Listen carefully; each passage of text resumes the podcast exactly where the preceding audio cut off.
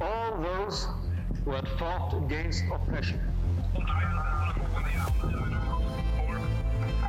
By all who have sacrificed themselves. When called upon to take part in the effort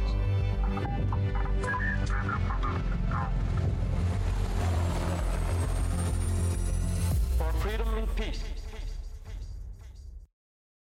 Det här är podden Tack för din insats med mig, Filip Knenswitch. Många av eh, de svenska utlandsveteranerna hörs inte och syns inte särskilt mycket. Man kan säga att de är så kallat eh, quiet professionals. Många i det civila är omringade av de här veteranerna, de här individerna och eh, vet aldrig om de historier som de går runt och bär på. För eh, några år sedan så eh, insåg jag själv att jag var omringad av individer med väldigt intressanta och starka berättelser. I eh, min tid inom det militära så har jag självklart stött på eh, kollegor som har varit iväg på utlandsmission. De kommer hem med eh, både hemska och eh, roliga historier. Men eh, en dag för några år sedan så eh, tog jag på skjutbanan, en plats där jag spenderar mycket tid eh, och där jag håller på med min hobby. Och pratar med lite vänner. Och då insåg jag att även här finns det ju folk som har intressanta berättelser. En eh, sådan person är eh, dagens gäst, Morgan. Han eh, är en av dem som eh, startade eh, den här tankeprocessen hos mig att eh, skapa en mötesplats där eh, både civila och veteraner kan eh, lyssna till de här berättelserna och där man kan ta del av de erfarenheter som de här individerna bär på. Så välkommen till podden Morgan. Ja, tackar så mycket. Vi har ju träffats och gjort en liten film innan. Ja. Det var egentligen så det började vill jag nog påstå. Jajamän. Som jag sa här så var ju du en av dem som fick mig att inse att eh, även jag har ju folk som jag inte ens visste om som bär på historier. Eh, och eh, det var ju när vi spelade in filmen där eh, som eh, för övrigt då ligger på Rekyls sida som är, eh, har titeln Tack för din insats. Jag tror att podden, eller filmen håller en ja, knappt 10 minuter. Ja, det är väldigt lite där Ja. jämfört. Och vi satt väl en, vad kan det varit, en och en halv, två timmar. Ja, minst två. Eh, Så jag tänkte att idag kanske vi kan röra lite av de här punkterna som, som inte kom med i filmen. Absolut. Men jag tänkte vi ska eh, få reda på lite vem du är, vart du kommer ifrån, hur du växte upp. Eh, ja, som sagt, mitt namn är Morgan och jag är uppfödd i Trollhättan. Och jag flyttade ner till Göteborg, eller var det 2003 var det. Och, och det var ju jobb inom säkerhetsbranschen som gjorde att jag flyttade ner. Mm. Så att det var, det var trevligt. Tänkte, när du växte upp, hade du någon... eh, Hur var du som barn? Hade du mycket, så var du så här eh, som jag till exempel som älskar att vara ute i skogen och, och eh, leka pang-pang och... Det var ju standard. Gårdskrig och var ute i skogen och le, byggde kojor och krigade var ju standard när man var liten. Absolut. Mm. Det var ju... Och sen var man ju med i hemvärnet när man var, när man var 14, 15 där någonstans. Var man med på ungdomshemvärn en kort tid. Så det var också lite roligt då. Vad gjorde man eh, då? Jag var ju aldrig med i hemvärnet eh, när jag var yngre. Vad- Nej, det var ju... Man fick ju testa eh, skjuta AK4, Mauser och det här vanliga göra upp eld-grejen. Sova i tält. Det var inte så mycket mer avancerat än så. Man var ju fortfarande ung, om man säger så. Men eh, ja, för jag, jag försökte ju på scouterna lite när jag var yngre. Eh, Ja, ja, men ja. jag gav upp efter dag ett för att de gick ju vilse i skogen dag ett. Eh, Ja, det är bra. Så att jag gjorde ju faktiskt min egen, jag och mina vänner där jag växte upp, vi gjorde vår egen, vi kallade det för ML, minilumpen. Ja, ja minilumpen, ja, men det aldrig Jajamän. fel. Eh, pappa hade ju fått med sig några gamla uniformer från staterna, Ja, ja. 80-tals eh, woodland camo. ja, ja det Så det var ju fullt här ute i skogen. Ja, ja. ja, men det är så det ska vara. Ja. Hade du någon i din eh, släkt eller någon nära som var militärt eh, intresserad eller inom det militära? Nej, sätt? inte inom familjen eller någonting. Eh, visst, eh, farsan och de har gjort eh, lumpen och sådär, men det är ju, det har inte varit någon militär karriär på någon i familjen så direkt. Inte vad jag vet. Då måste det ha varit väldigt långt tillbaka i så fall. Men eh, så att intresse som bara har växt mer och mer när man var ung då. Till eh, den dagen man ryckte in i lumpen. Men hur, hur kom det sig då eh, att, att du blev intresserad av hemvärnet då, alltså när du var yngre? Var det att, man bodde på landet och sen var det väl eh, mer att det, det var ett par polare som man umgicks med som var med i hemvärnet där. Och då typ fotboll och allt möjligt man gjorde där. Men eh, så var man med i hemvärnet jättemycket man, man hann med eller gjorde. nej men det skapade någon form av litet eh, insyn i verksamheten i alla fall. Eh, och eh, men jag var inte riktigt bestämd på vad jag skulle göra då. Jag tänker där, eh, vi, jag min, du sa ju det att några år tidigare så började väl nedskärningarna då när du var i tonåren där.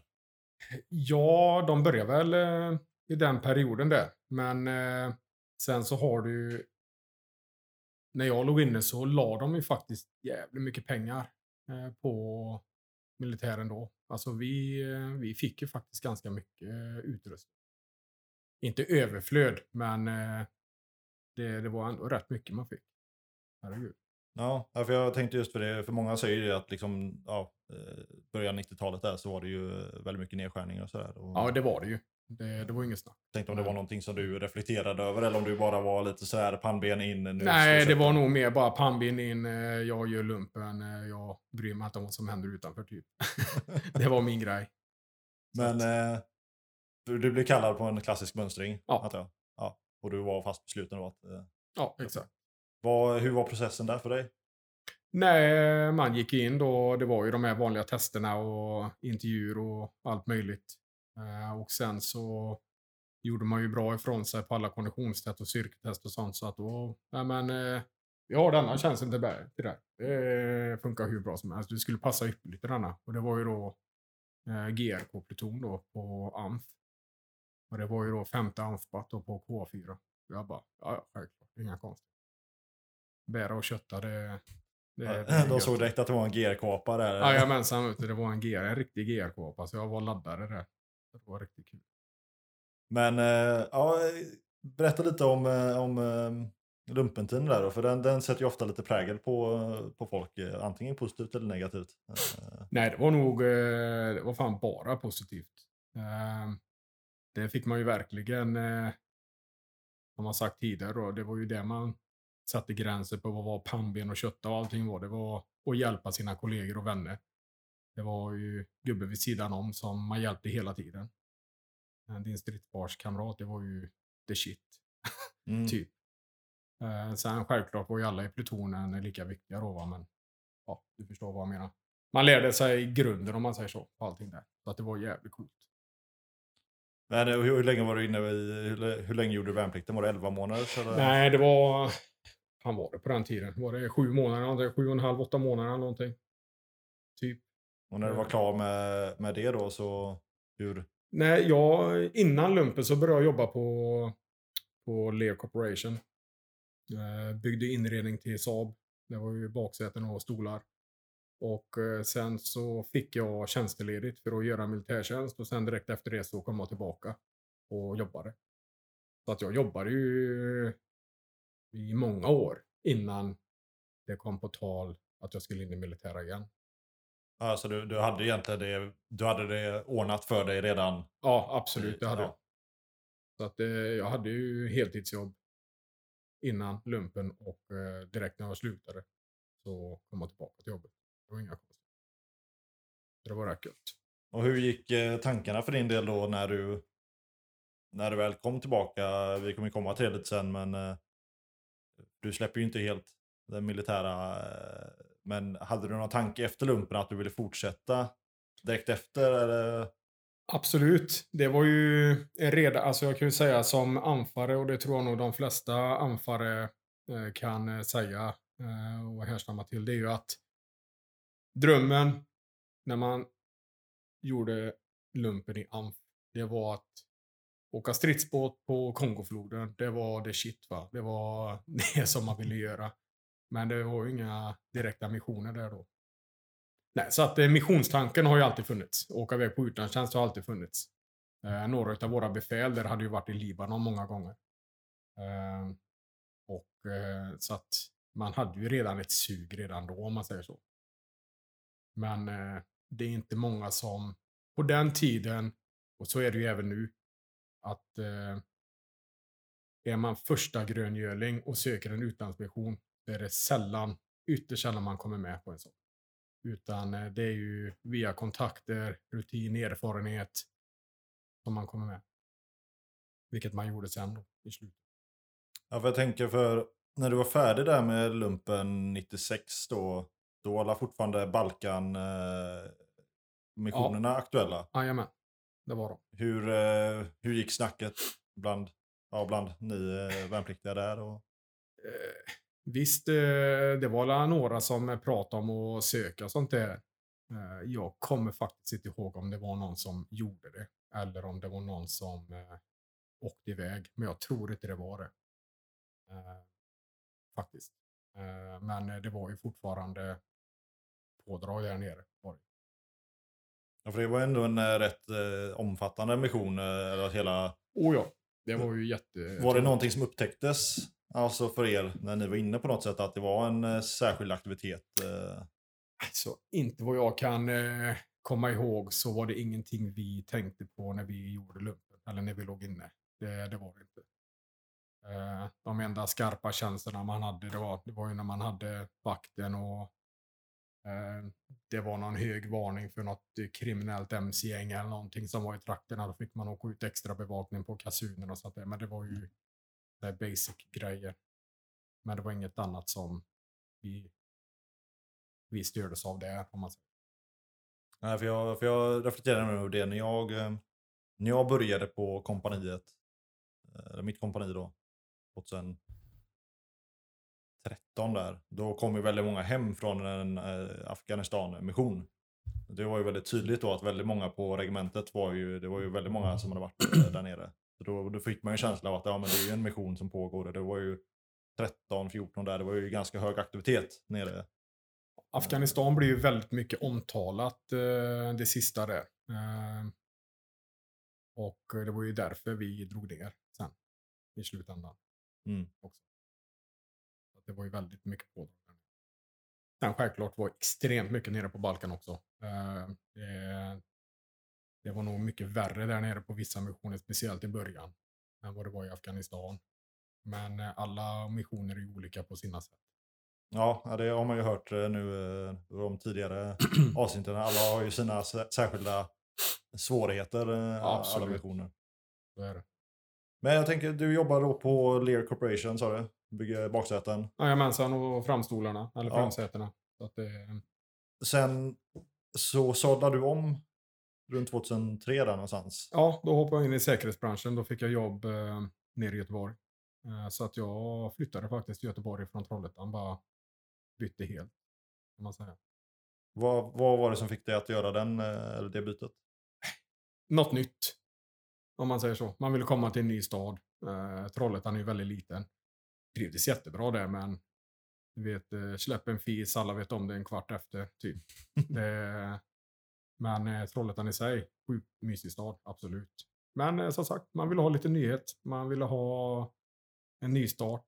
Det, så att vidga sina vyer lite. Och då flyttade jag ner och sökte jobb där nere. Eh, vad var det som väktare då? Eller var det som... Det var eh, mestadels ordningsvakt, eller i stort sett bara ordningsvakt till att börja med. Och sen så fick man ju lite utbildningar eh, där och eh, då höll man på mycket med hotellsäkerhet och evenemang och sånt där också.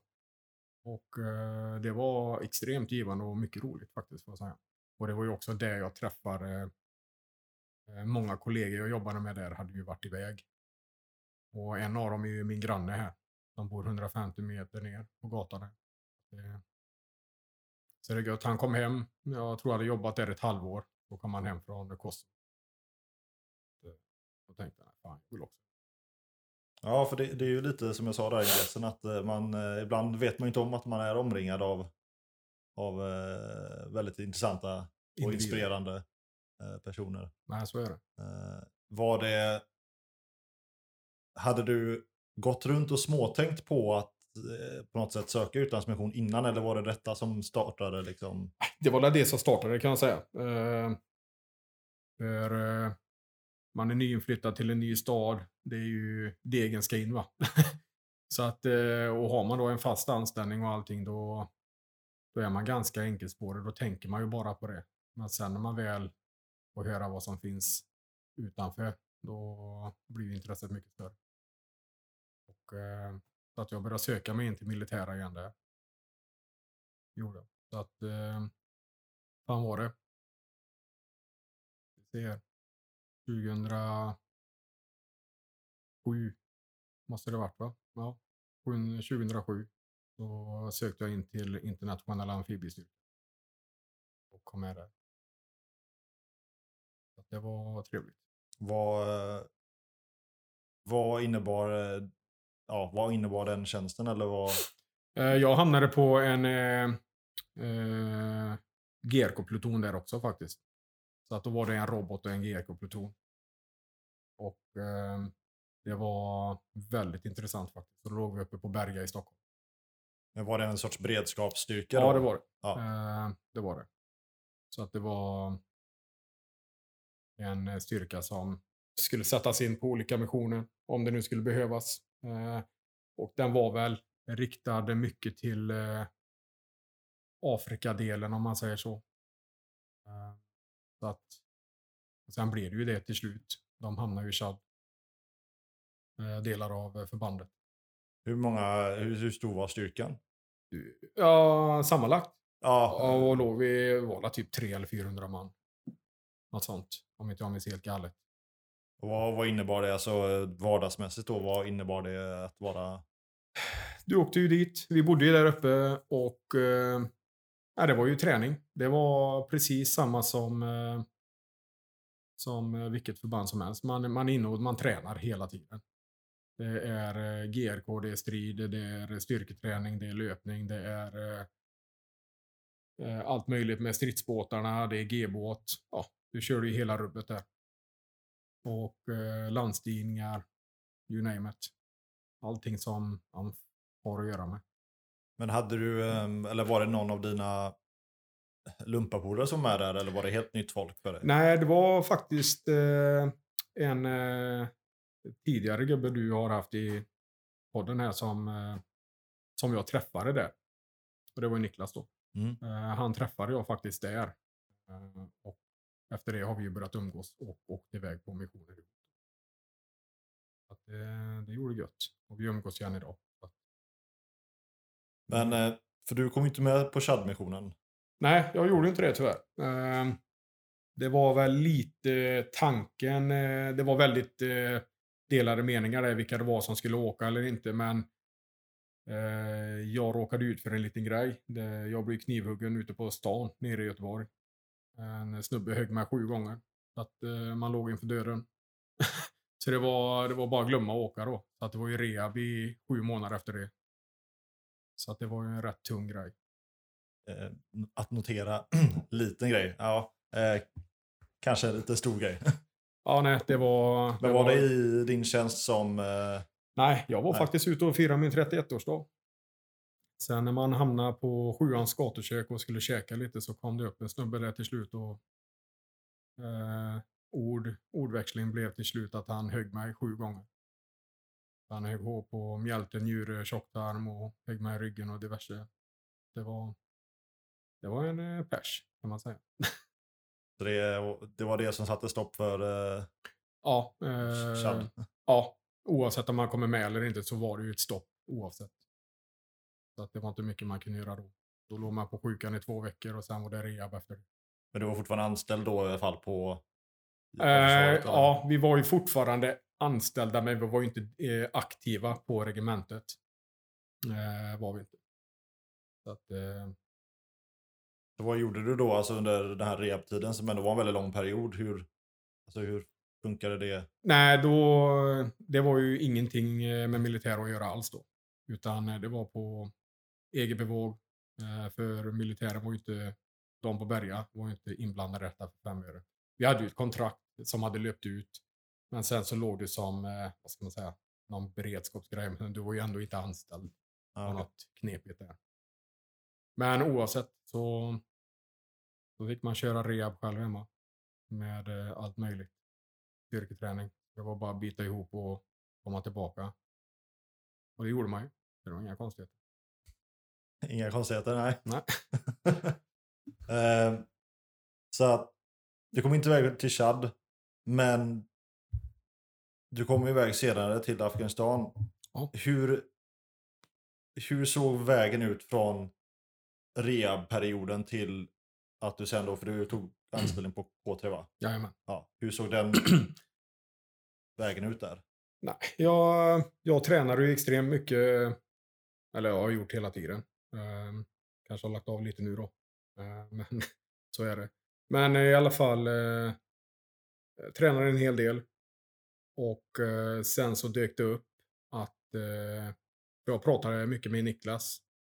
Och då sa han att eh, det låg ute någonting där. Och då sökte vi det ihop. gjorde vi.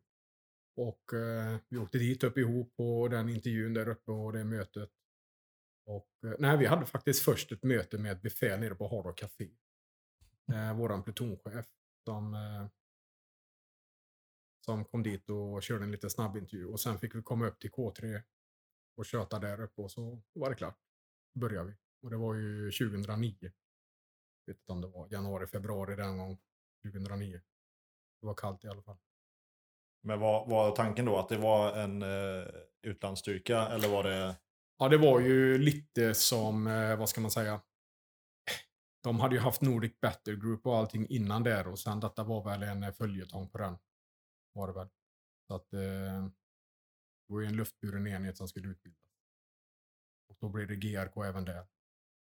Så du kom aldrig från GK till Nej, men GRK det, är- det är en fan bra köttargrej alltså, det får jag säga. Ja, jag gillar det. Det är, det är tungt och, och gött där. Så då är det på K3. Vet du om att det kommer bli någon utlandsmission här eller är det bara ett, ett hopp? eh, Nej, det är ju ett hopp för alla. För att när man väl kommer dit, alla vill ju åka iväg till Afghanistan. För Afghanistan är ju det stora, det är the shit. Det är det som är på tapeten just nu. Det är ju mycket som händer där nere och, och all träning vi gjorde på K3 var ju bara inför Afghanistan-tema. Alltså det var ju bara tema på Afghanistan. Hela tiden. Så att eh, det, var, det var extremt bra träning vi fick där uppe. Får jag säga. Sjukt bra befäl. Hur såg eh, träningen ut? eh? Alltså var det... Allt möjligt. eh, Gruppstrid, plutonstrid, det var eh, fordonsstrid, det var allt möjligt. Alltså, you name it.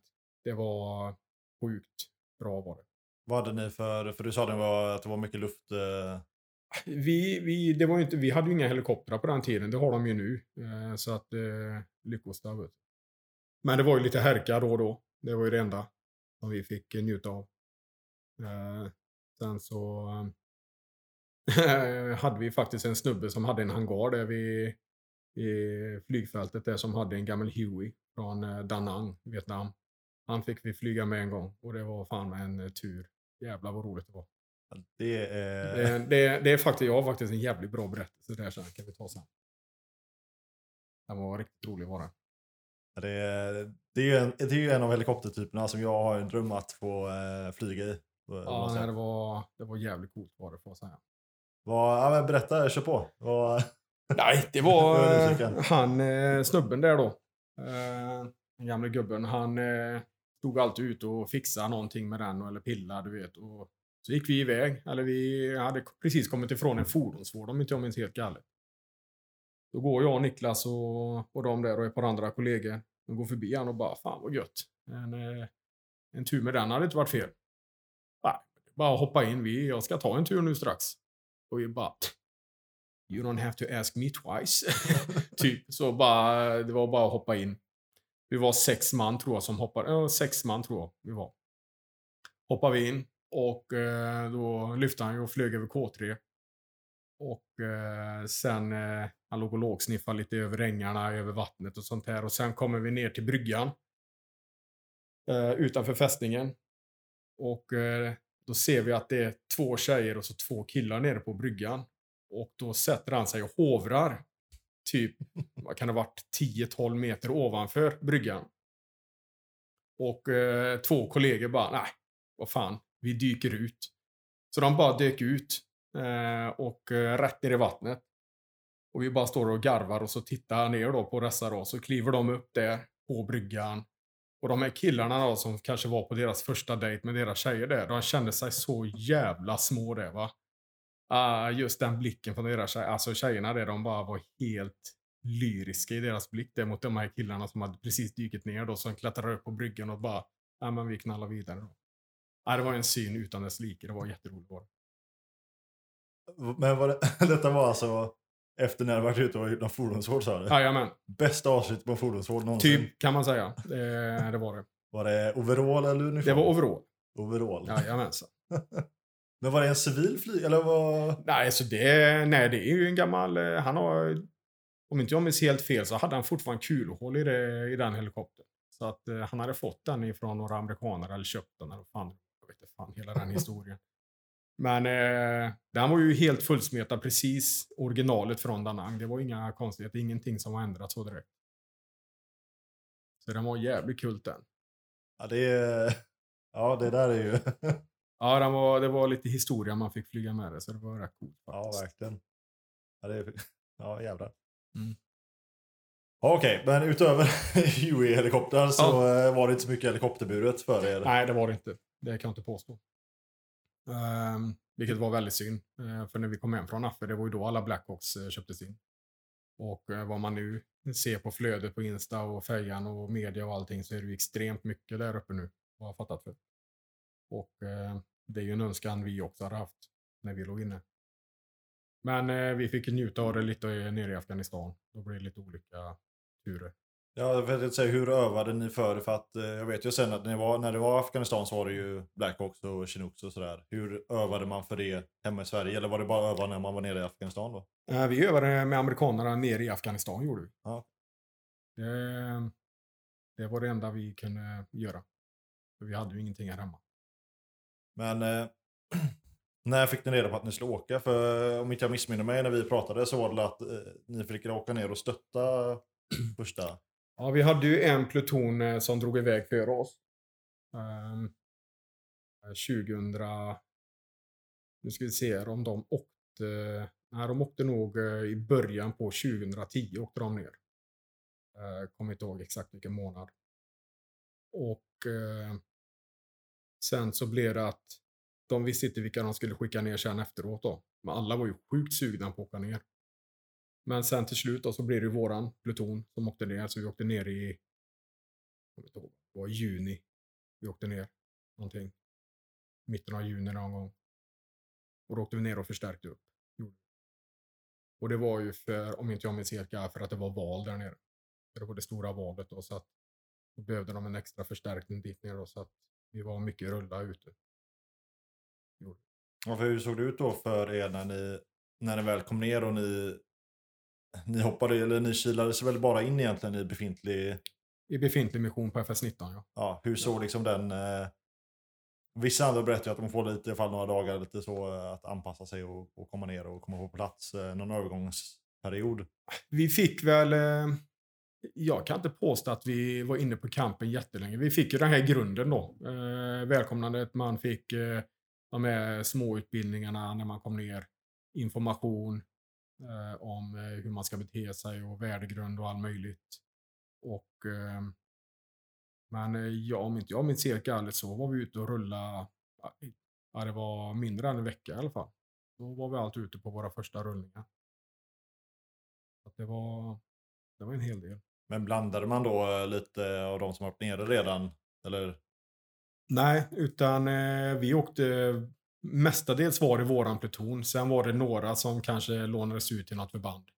Eh, var det. Men eh, det var sällan att det var enstaka som lånades ut. Utan ofta så var det ju antingen en hel grupp eller en hel pluton som åkte.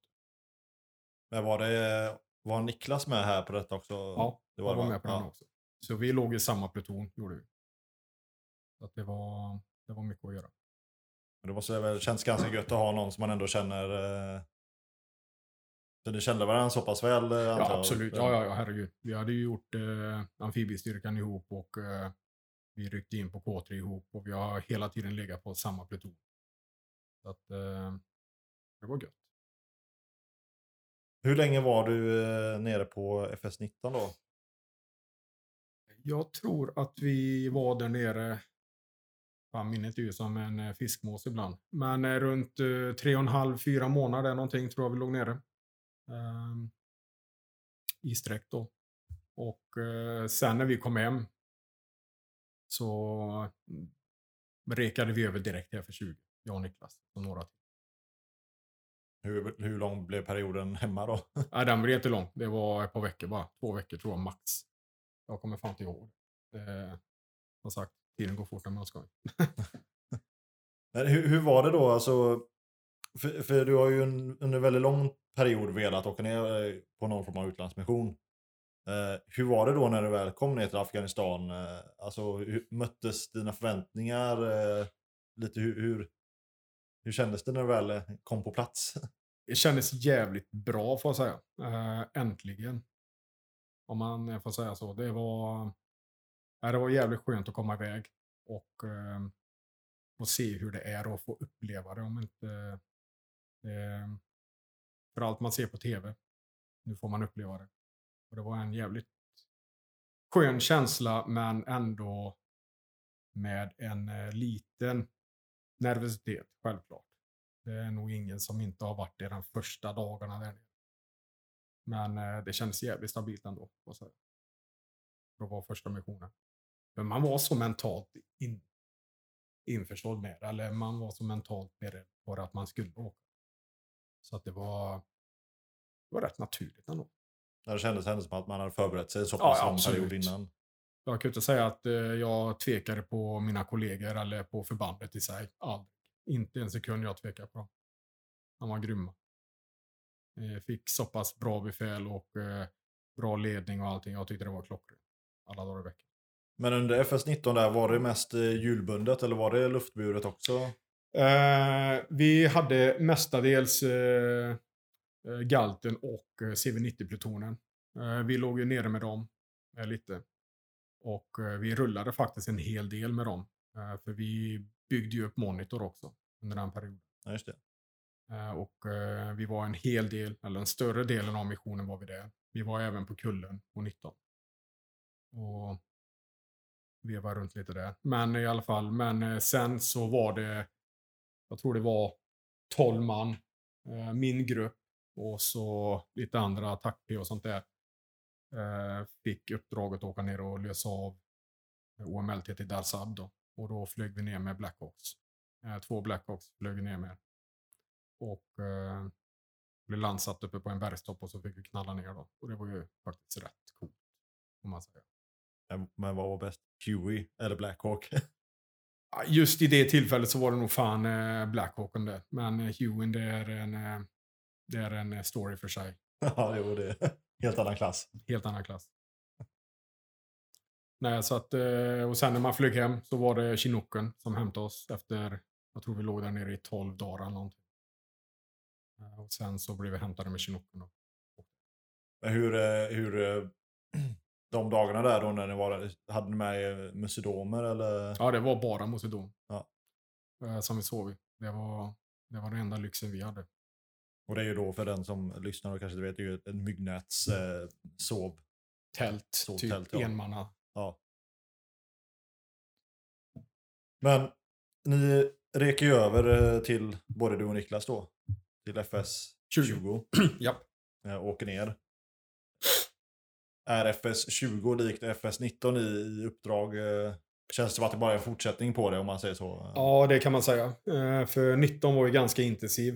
Eh, och det var ju faktiskt där som Kenny Wallin stupade. Och sen även en, en polare då blev av med sitt ben där nere. Så att det, det var rätt mycket strider och mycket som hände under den perioden där nere. Så det var, det var rätt körigt. Det var rätt mycket rulla. Eh, var För, för mig Niklas pratade lite om eh, QRF-verksamhet och sådär också. Ja, men vi hade rätt mycket utav den delen. Och det var då för att svara på, eh, på när det blev någon form av eh, Ja, det är med. strider eller Ja, liknande. allting. Och det var även om det var idéer som hittades eh, så åkte vi ut eh, och eh, stöttade då medan de röjde minorna eller vad det nu var. För, det, för det måste väl varit ett av de vanligaste hoten? Eh, I det, var ja. ja. Ja, herregud. Det var... Och det är ju det som har dratt med mest eh, soldater, om inte jag är helt eh, fel ute överlag. Eh, när vi kommer till alla nationer så är det ju idéer som har skördat mest offer. Man får väl säga att det är det som är deras grej. Skjuta kan de inte göra, men bygga idéer kan de fan göra. Så att det... Så är det. Men när ni, eh, när ni kom ner på FS20 då, var ni många som rekade över från 19 till 20 eller? Om inte jag minns helt galet så var vi väl eh, tre man, tror jag var. Om inte jag minns helt galet. Som sagt, det är ett tag sedan nu. tre man tror jag vi var. Hur, hur var inställningen på de andra som åkte, åkte hem? Kände de att ah, men det, det, det är bra nu liksom? Eller var det... Många, många som var nere på 19 eh, valde att inte åka tillbaka. Så var det. Sen var det många på K3 som också åkte tillbaka. Det var det. För det var ju K3 som hade FS eh, 22 Ja, som löpte den. Och det var ju där jag också åkte med. mm. Men för FS20 blev ju då en hel fullängdsmission för din Ja. del. Jajamän. Eh, berätta lite om, om eh, ja, vad, vad ni gör och... Vi eh, blev i stort sett stationerade direkt på kullen. Och eh, vi bodde på kullen i stort sett hela missionen. Kan man säga. Eh, vi kunde ligga där ute alltifrån en vecka upp till tre och en halv vecka utan att vara på campen. Eh, och ibland kunde vi bara åka upp till campen, hämta material och käk och sen åka iväg igen. Typ. Eller så kunde man komma hem till campen om vi hade tur då. Och vila lite där, träna, äta god mat, sitta i vakten. Och sen var det åka till kullen igen. Så det var ju typ vi och CV90-plutonen som byttes av där uppe hela tiden. Så att det var väldigt mycket kullen. kan Man säga. Och då var det patrullverksamhet och så vidare. Det var bara rulla ute eh, i området, där i närområdet. Och eh, kolla så att allting var bra. Försöka- Hur, eh, hur såg hotbilden ut för er när ni var och patrullerade så pass mycket som ni var under den perioden? Alltså, hot, hotbilden är ju, är ju hög ständigt. Det, det kan man väl säga. Eh, sen beror det helt och hållet på vilka byar du var inne i. Och eh, för byarna som låg precis intill kullen var i stort sett, ah, det var ju jävligt lugnt det. För eh, vågar inte gå nära om man säger så. Det, det kanske blir lite för mäktigt för dem att att dra på sig en hel CV90-pluton till exempel. Det hade ju varit lite tungt för dem. Men eh, just eh, patrulleringen i byarna, det var alltid från eh, fotpatruller till eh, fordonsburet. Eh, och var det inte Galta så var det eh, CV90 som rullade där. Men vi rullar ju Galtar hela tiden under 20. Och eh, Patria. Mm. Var, det, var det mycket att man försökte då prata med eh, byäldster? Och... Ja, det var inne, visa närvaro. Eh, eh, vi hade ju tolkarna med oss och de, eh, de eh, kollade av läget. Om eh, hur byborna hade det, om det hade varit några gärningsmän, tallisar då i närheten eller vad det nu har varit.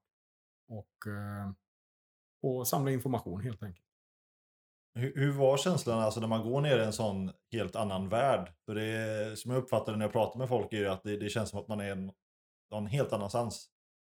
Ja, det är det, är det ju. Eh, det är varmt, eh, det är torrt, det är dammigt, det är den här speciella lukten som alla har varit i Afghanistan kan ju referera till den här speciella lukten som är i byarna och sånt där. Det, nej. Det, och gå runt där, det, det, vad- hur fan ska man förklara? Det är eh, lurigt, men eh, ändå så är man, eh, man har full koll. Man litar ju på sina kollegor. Kändes det... Vad ska jag säga, kändes det givande att gå runt där? Alltså kände man sig uppskattad eh, generellt så? Det var väldigt olika var det. Ehm, det var tillfällen som eh, man inte var uppskattad och det var tillfällen som du var uppskattad. Och det var... Alltså när man rullar in i byar eller går in i byar eller vad man nu än gjorde så, så var ju vissa i byarna var ju väldigt emot. Du kunde ju genast märka om det hade varit en närvaro av talibaner i byn nyligen eller om de var där. Eh, för ofta så är det ju att när du rullar in i en by, är barnen ute och skrattar och är glada och hejar, ja men då är det ganska soft. Och, eh, men står det folk och kastar sten på dig och försvinner in i husen så fort eller i deras hyddor, då vet man att det har varit eh, talibaner där nyligen eller är där nu. Eh, det behöver ju dock inte betyda att det blir någonting, men det betyder ju ändå att de är rädda för att hälsa på oss för att då får de skit sen då. Om du förstår vad jag menar. Ja, precis. För det, det är väl problemet just det här med att eh, skapa en, en närvaro över tid då för att så fort man, eller så fort ISAF-styrkorna och, och, eh, och liknande lämnar så skapar det ett tomrum och då kommer det väl Exakt, eh, influenser in från eh, talibanerna då. så är det. Eh, men de gångerna som, som det väl blev någon form av väpnad strid, var det oftast i samband med by, i sam, eller närheten av byarna, eller var det liksom på en väldigt, vad ska man säga, random plats? Nej, det vi råkade ut för det var väl i närheten av by var det. Eh, det var vid en polisstation var det. Som, eh, som eh, våran Akan på Patreon fick vädras lite. Så att det var, det var inga konstigheter. Det, var en väldigt kvick kontakt om man säger så. Den avslutades väldigt fort. Men eh, det är in till byarna för att de kan ju vara lite fega ibland och använda civila som mål. Så att då står de bakom dem och skjuter mot oss då. Och då blir det ju genast galet för oss att skjuta tillbaka om det skulle visa sig vara så. Vilket faktiskt hände för CV90-plutonen. De hamnar i en, en rätt eh, känd eh, sådan där nere. Då gjorde de ju det. Ja, för det har jag förstått av många just att det har varit väldigt svårt. Alltså det har varit en väldigt stor svårighet över hela Afghanistan-missionen som helhet att motståndaren beter sig och rör sig bland de civila. Så Ja, att de ja, dumpar ett mag mot, eh, ja, eh, Lite mot, så. mot oss liksom. Och sen så försvinner de in i någon hytta och så går de ut och så eh, Lite låtsas så. de vara en eh, bonde liksom. ja, lite så är det. Och det är ju det är jättesvårt för oss att veta vem som är vem. Om man säger så. Det är eh, extremt svårt. Och därför måste man vara på tårna hela tiden, speciellt när man är på fotpatrull. I fordon är det ju lite mer skyddat då, men eh, fotpatrull är du extremt utsatt om någonting skulle hända. För jag vet att, eh, jag har ju hört, jag tror det är amerikaner som har sagt, eh, när jag lyssnar på lite andra poddar och sådär, att fördelen med när man hade lokala tolkar var ju att de kunde höra lite dialekter och lite sådär, typ som om jag hade hört en skåning i Göteborg så vet jag att han är inte där är uppvuxen. Nej, exakt. eh, och så vidare. Medan ja, vi som svenskar kan ju inte höra kanske skillnad på dialekter i Afghanistan. Nej. Var det någonting som, som ni reflekterade över eller som ni fick någon? Nej, det kan jag väl inte påstå eh, med våra tolkar. Vi hade ju afghanska tolkar med oss. Så att, eh, men det var ingenting jag reflekterade över så. Var det. Utan det var mer att de gick fram och frågade byborna och byäldste och allt möjligt. Om eh, information bara då. Att, eh, sen om han sa det till våran plutonchef eller inte, det vill jag ha osagt. Det har jag ingen aning om faktiskt. Vad, ehm, ja, ni håller ju på med patruller och så vidare. eh, Det, Vi pratade om ID förut. Eh, du får ju själv uppleva en ID på väldigt, väldigt nära håll. Japp. Eh, tänkte vi kanske ska gå in lite på den. Eh, Ja, vi, eh, det kan vi göra. Ehm, eh, FS20 var ju extremt ID-rikt.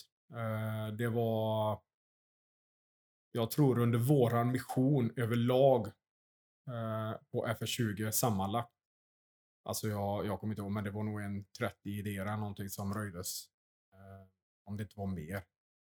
Det var extremt mycket idéer. Och det som var så lite lustigt med just det här med idéer, det var ju att eh, min grupp då, eh, jag var ju eh, bandchef på andra omgång. Och så hade vi första omgång då. Och eh, den första idén våran pluton körde på, det var min grupp. Första omgång körde på första idén. Eh, dock så var den en misslyckad idé som tur är. Så det var typ bara förladdning som gick. Så den drog av någon, något stag i framvagnen typ. That's it. Och det gick att fixa. Ehm, men när den small då så backade vi undan i säkert läge och tog ut stridsställningar då. För vi antog då att det är borta på höjden de kommer skjuta på oss ifrån då. För det var typ bara den delen där. Resten var ju öken och plan yta om man säger så. Men eh, det var ingenting som hände där. Eh, förmodligen så bara de iakttog oss och kollade. Eh, fordonet kunde ju rulla därifrån sen. Vi fixade ju den. Så det var inga konstigheter. Eh, däremot så blir det ju värre med den idén. Min omgång, andra omgång körde på. För den slog ut hela galten. Totalt. Det Var var... det- Var det under samma... Nej, det var inte samma Nej. utan att det var några månader senare. Under Jag tänkte senare. bara hur, eh, hur, hur var det ID oftast eh, identifierades? Var det genom eh, någon minröjare? Eh? Ja, men vi hade ju eh, sökare, vi hade, de hade hundar. Det var från befolkningen. Jag kunde få tips, allt möjligt och så åkte man dit och kollade. Och eh, mycket riktigt, det ligger ju idéer i vägtrummor och allt möjligt. För eh, de slarvar ju ibland med att gräva ner alla kablar och sånt där så att det syns ju en del. Ibland. Och ibland så fick vi intel på att eh, nej, nu var det en ko eller en åsna som gick på en idé som blåstes. Så att eh, det var en eh, självröjande grej så. så att det var ju väldigt mycket som small i närheten. Ja, jag tänkte just det att, för det finns ju för mig att Olle på för- förra avsnittet berättade ju om någon ko som antagligen har gått på någon form av mina Ja. när han var i, det var Kosovo. Men jag tänker för att ja, de civila måste ju också ha någon form av eh, vilja eller önskan att inte ha idéer runt din, eh, där de eh, bor. Så är det. Eh, Du kan ju också märka om du ser att byborna till exempel inte åker på vägen. Utan de tar mopeden eller motorcykeln ute på åkern istället. Då kanske man ska tänka till och bara, nej, vi kanske inte ska köra över denna trumman här. Utan att undersöka allt. Så att eh, byborna i sig visade väl det på ett sätt. Fast, att, jag tror inte de gjorde det med flit, utan det var mer en... Eh, de avslöjade sig själva helt enkelt. Eh, För, för jag tänker just det att för jag, fanns det en risk med om någon eh, civil kom och sa att ja, men det finns en id idé här, fanns det som en risk att det var en, ett planerat bakhåll eller planerad eh, ja, fake? Nej, men det är, vi får ju ta alla sådana situationer på allvar. Abs- Absolut. Det är, du kan ju inte bara ta för givet att allting är sanning de säger. Utan eh, det är ju med största säkerhet och så säkra området innan man går in och att, nej, eh, man litar inte på någon. Du litar på dina kollegor. That's it. Ja. Jag har sagt, för ni är ute och röjer en ID en kväll, om inte jag Yes. missminner mig. Och när ni är på väg därifrån så stöter ni på en till ID. Ja, vi, vi blev utkallade och så röja in i det. Och detta är faktiskt inte så jättelångt ifrån eh, Kennets bro. eh, där han eh, gick på och stupade. Och då hade vi haft en, jag kommer inte ihåg vilka det var som hittade den. Men eh, CV90-plutonen var QRU. Eller QRFen, Och eh, de var där ute också. Och när vi hade röjt den så var våran grupp och en annan grupp en Förekspatrull då. Och jag drog iväg och det var ju runt 11-12 på kvällen där. När vi körde nersläckt. Och ja, din förre gäst var ju på första fordonet där. Men i alla fall, eh, vi kör ju nersläckt. Ehm, och vi har en 100 meter mellan fordonen och så smäller du till. Ehm, och det var ju, vad ska man säga?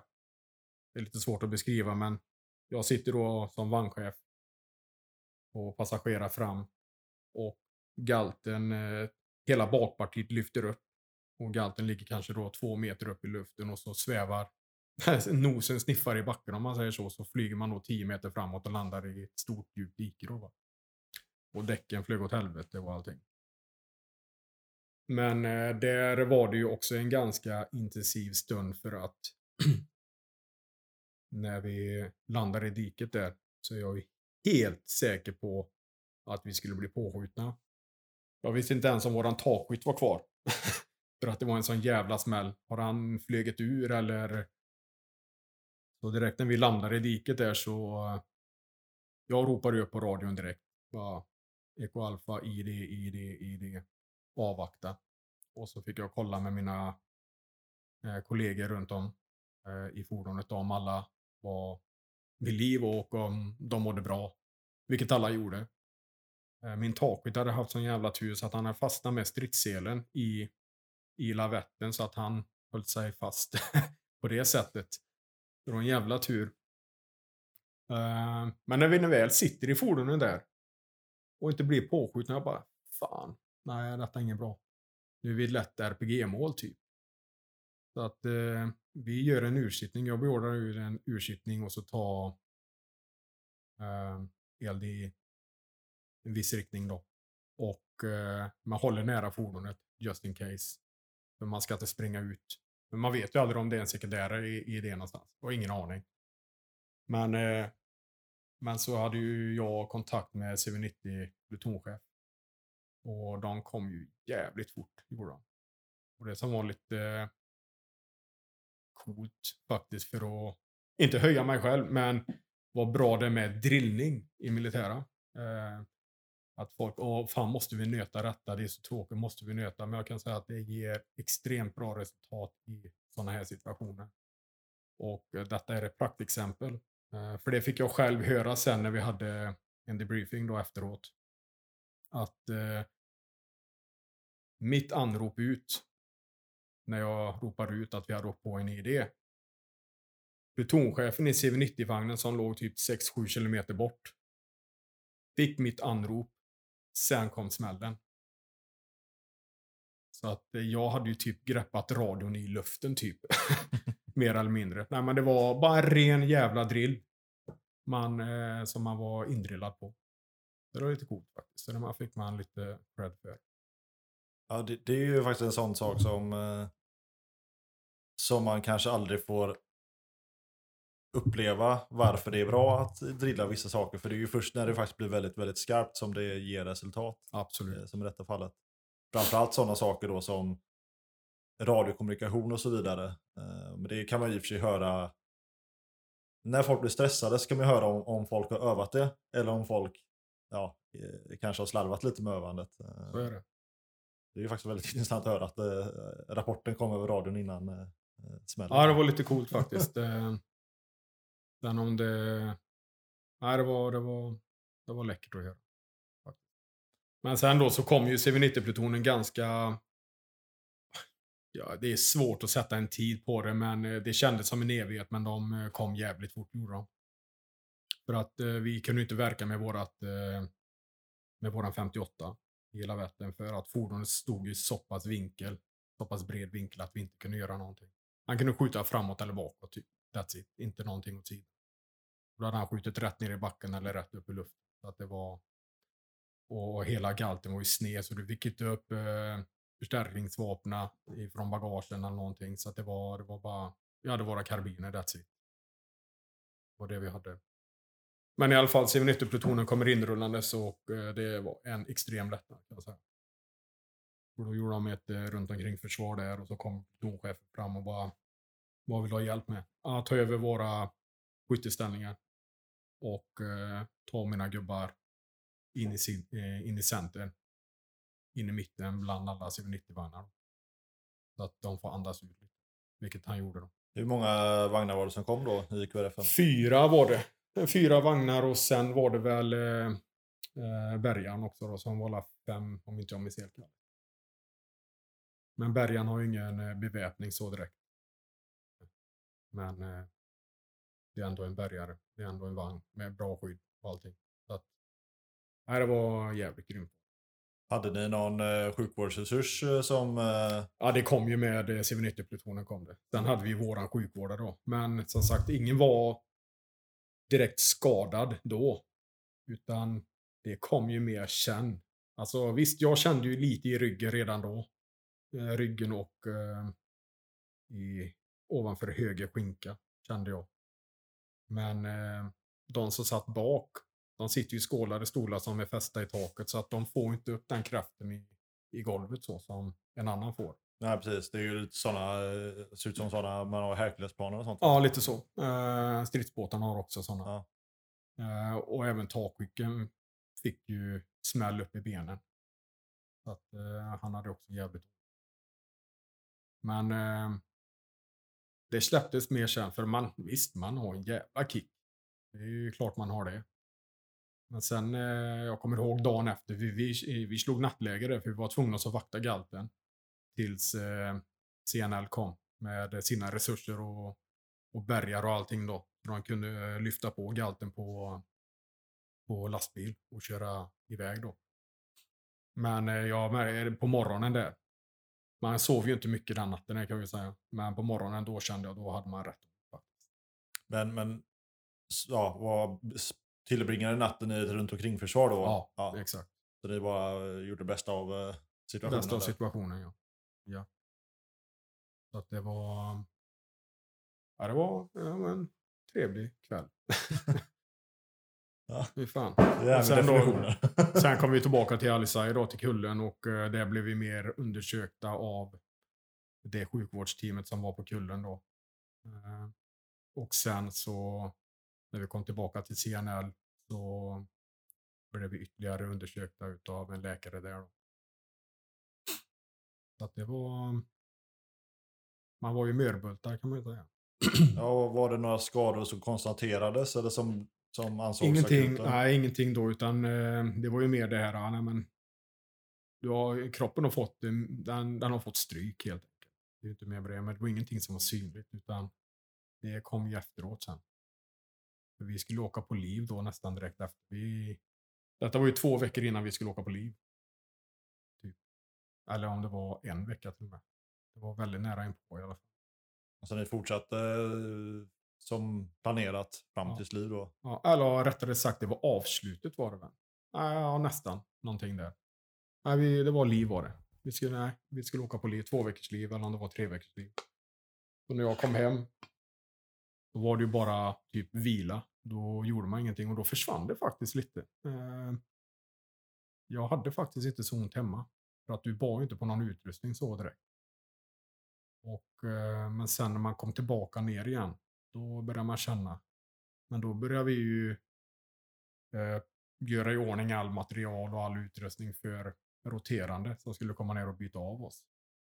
Så att det var inte mycket rullningar man gjorde eh, efter vi kom hem. Vi byttes ju av i maj. Var det. För detta hände ju 4 mars. och så var vi hemma då i tre veckor så vi kom väl tillbaka då i slutet av mars, början på april. Och sen så skulle vi åka hem i maj. Så att vi var inte länge på campen förrän, ja, för att göra mycket om man säger så. Ja, så du varit hemma på liv i alla fall. Och, eh, Men du, det är då du börjar känna... Eller du sa att ryggen börjar bli bättre då? Ja, när jag var hemma på liv så, så kände jag inte av det då. För jag menar, när man kommer hem då går man ju inte med tung utrustning på sig. Utan då är det ju mer eh, en vardag. Man vilar och tar det gött och dricker lite bärs och umgås med polare. Eh, kanske hade en liten tendens eh, så, men ingenting som man reflekterade över så. Utan eh, det var sen när man kom tillbaka till Afghanistan då, efter liven och man slängde på sig lite utrustning igen. Det var då man började känna, ah, lite lätt här. Det, det känns inte helt hundra. Gör det inte. Men, eh, men vi åkte ut på lite rullningar. Gjorde vi. Och eh, men som sagt, det var inte så intensivt utan vi, vi höll ju på inför rotation då. Vi gör ordning all utrustning då. Vårda. Mycket av det. Ja. Så att eh, vi var ute på kullen kanske två gånger. Efter liven där typ. Max. Men hur, eh, hur var det? Hur, hur många...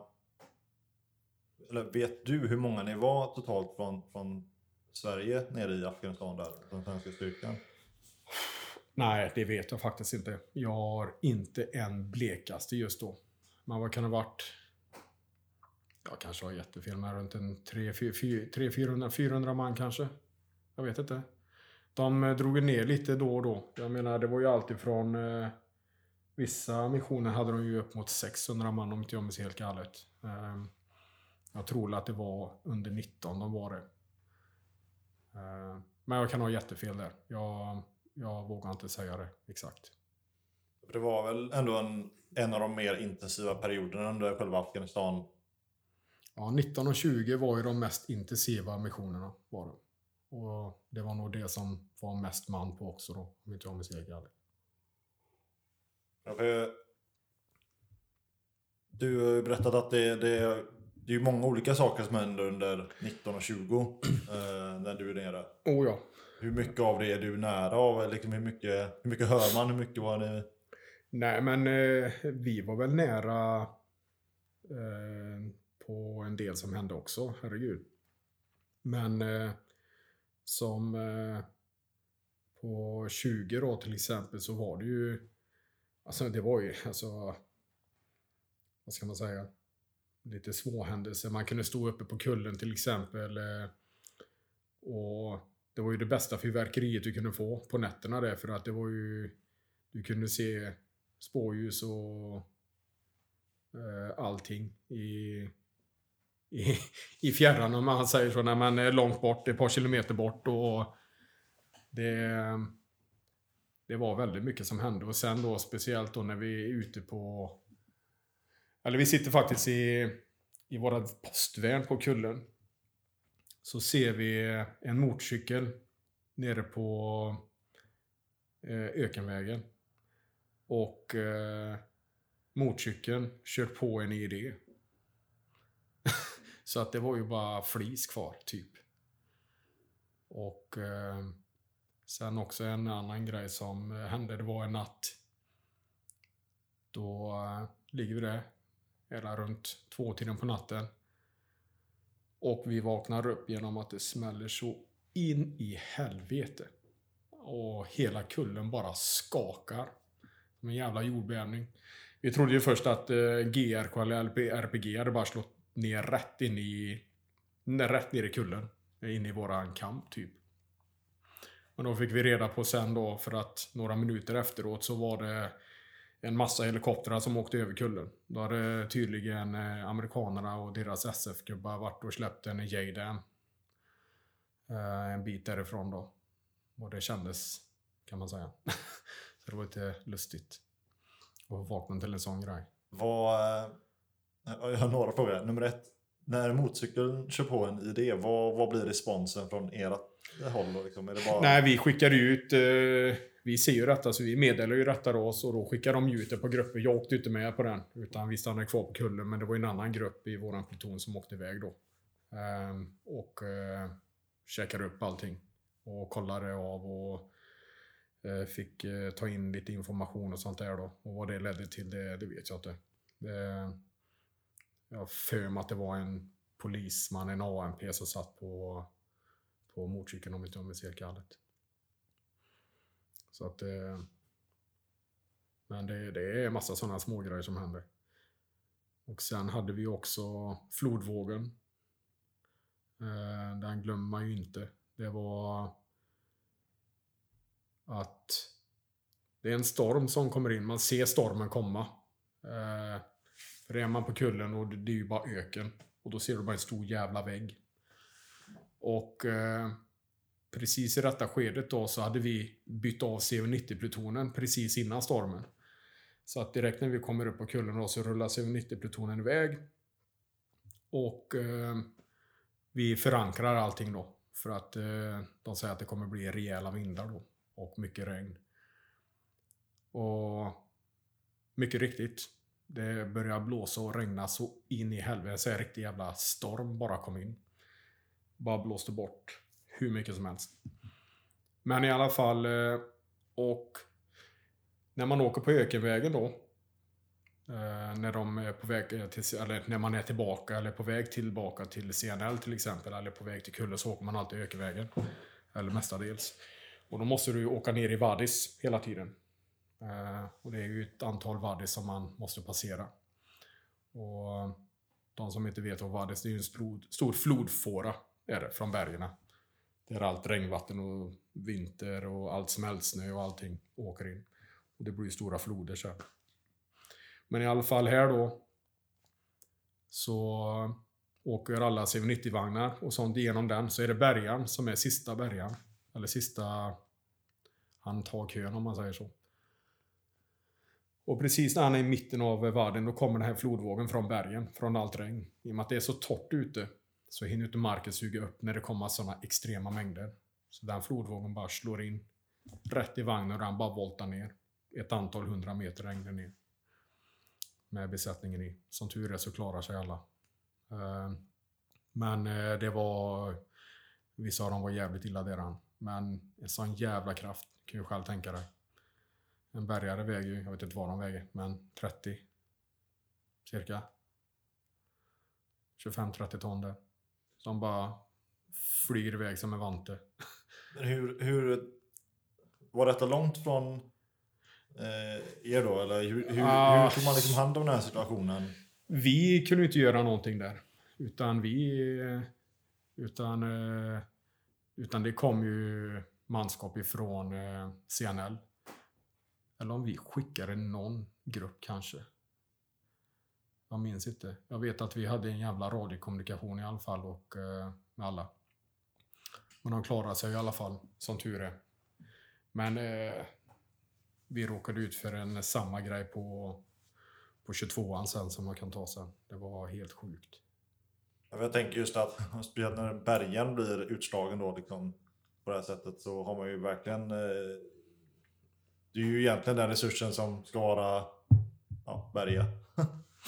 Så är det. Men vad, ja, många frågor. Hur, för besättningen då på bergen var, alltså Fick de skador av själva tumlandet av fordonet? Eller? Ja, vissa av dem. Det var ju en som blev instängd upp och ner eh, när, när han var vattenfylld. Eh, och han mådde ju inte sådär jättebra. Gjorde han inte. Eh, men han klarade sig i alla fall. Som tur är. Eh, alla klarade sig. Med, självklart så tog det hårt på dem. Men eh, de lever i alla fall. Det är huvudsaken. För när, när de här, eh, Så det är inte bara själva kriget som är farligt, utan det är även naturen. ja, alltså det har man ju förstått. Eh, alltså, där nere, eller som, i många, ska man kanske säga, ökenländer så är det ju att omslagen är väldigt snabba och väldigt kraftfulla. Oh ja. Eh, och att det, jag tänker just att de här flodbäddarna då, eller waddisarna, hur, hur, hur, ter de, hur, hur, efter sånt här oväder, hur länge är de ofarbara så att säga? Ja, det, nej, nej, nej. De kan du köra i en kort tid därefter bara. Okej. Samma dag, så det är inga konstigheter. Utan det är bara det att vattnet bara sveper förbi i en, en stor flodvåg, kan man säga. Och eh, sen försvinner vattnet till slut. Så att eh, det ligger inte kvar där länge, det gör det inte. Ja, okej. Jag tänkte just om man blev avskuren från... eh, Liksom, Nej, det blir det inte. Utan eh, du vill inte vara där när han kommer. Sen är det inga konstigheter att passera. Hade du några andra sådana exempel på alltså när vädret börjar ta, eh, ta Ja. Ja, vi hade ju lite sandstormar och sånt som kom in eh, eh, på CNL och lite överallt när vi var ute på patruller och sånt där. Och, eh, alltså du får in sand på ställen du aldrig trodde var möjligt. eh, Kan man säga. Eh, det är det är rätt coolt, fascinerande på ett sätt. Men sen så man, eh, man är fan inte stor alltså. När de här grejerna kommer in. För du ser fan ingenting alltså. Det, det skymmer sikten så att säga. Och är det inte sandstorm så var det gräshoppor som kom. De svärmarna som kom in då och då också. Det var, det var rätt brutalt också i, ibland faktiskt. Så här bibliska gräshoppsvärmar då eller? Ah, men nej. Det spelar ingen roll vart du gick på CNL så knakade, knastrade under fötterna. Det var sjukt mycket och de var ju inte, då, de var inte de små utan de var ju rätt stora var de. Sen eh, hade man, eh, tror det var på 19 och även 20. När man låg ute på Ringvägen och körde så kunde man köra in i en sån svärm. Och då var det ju vindrutetorkarna på typ.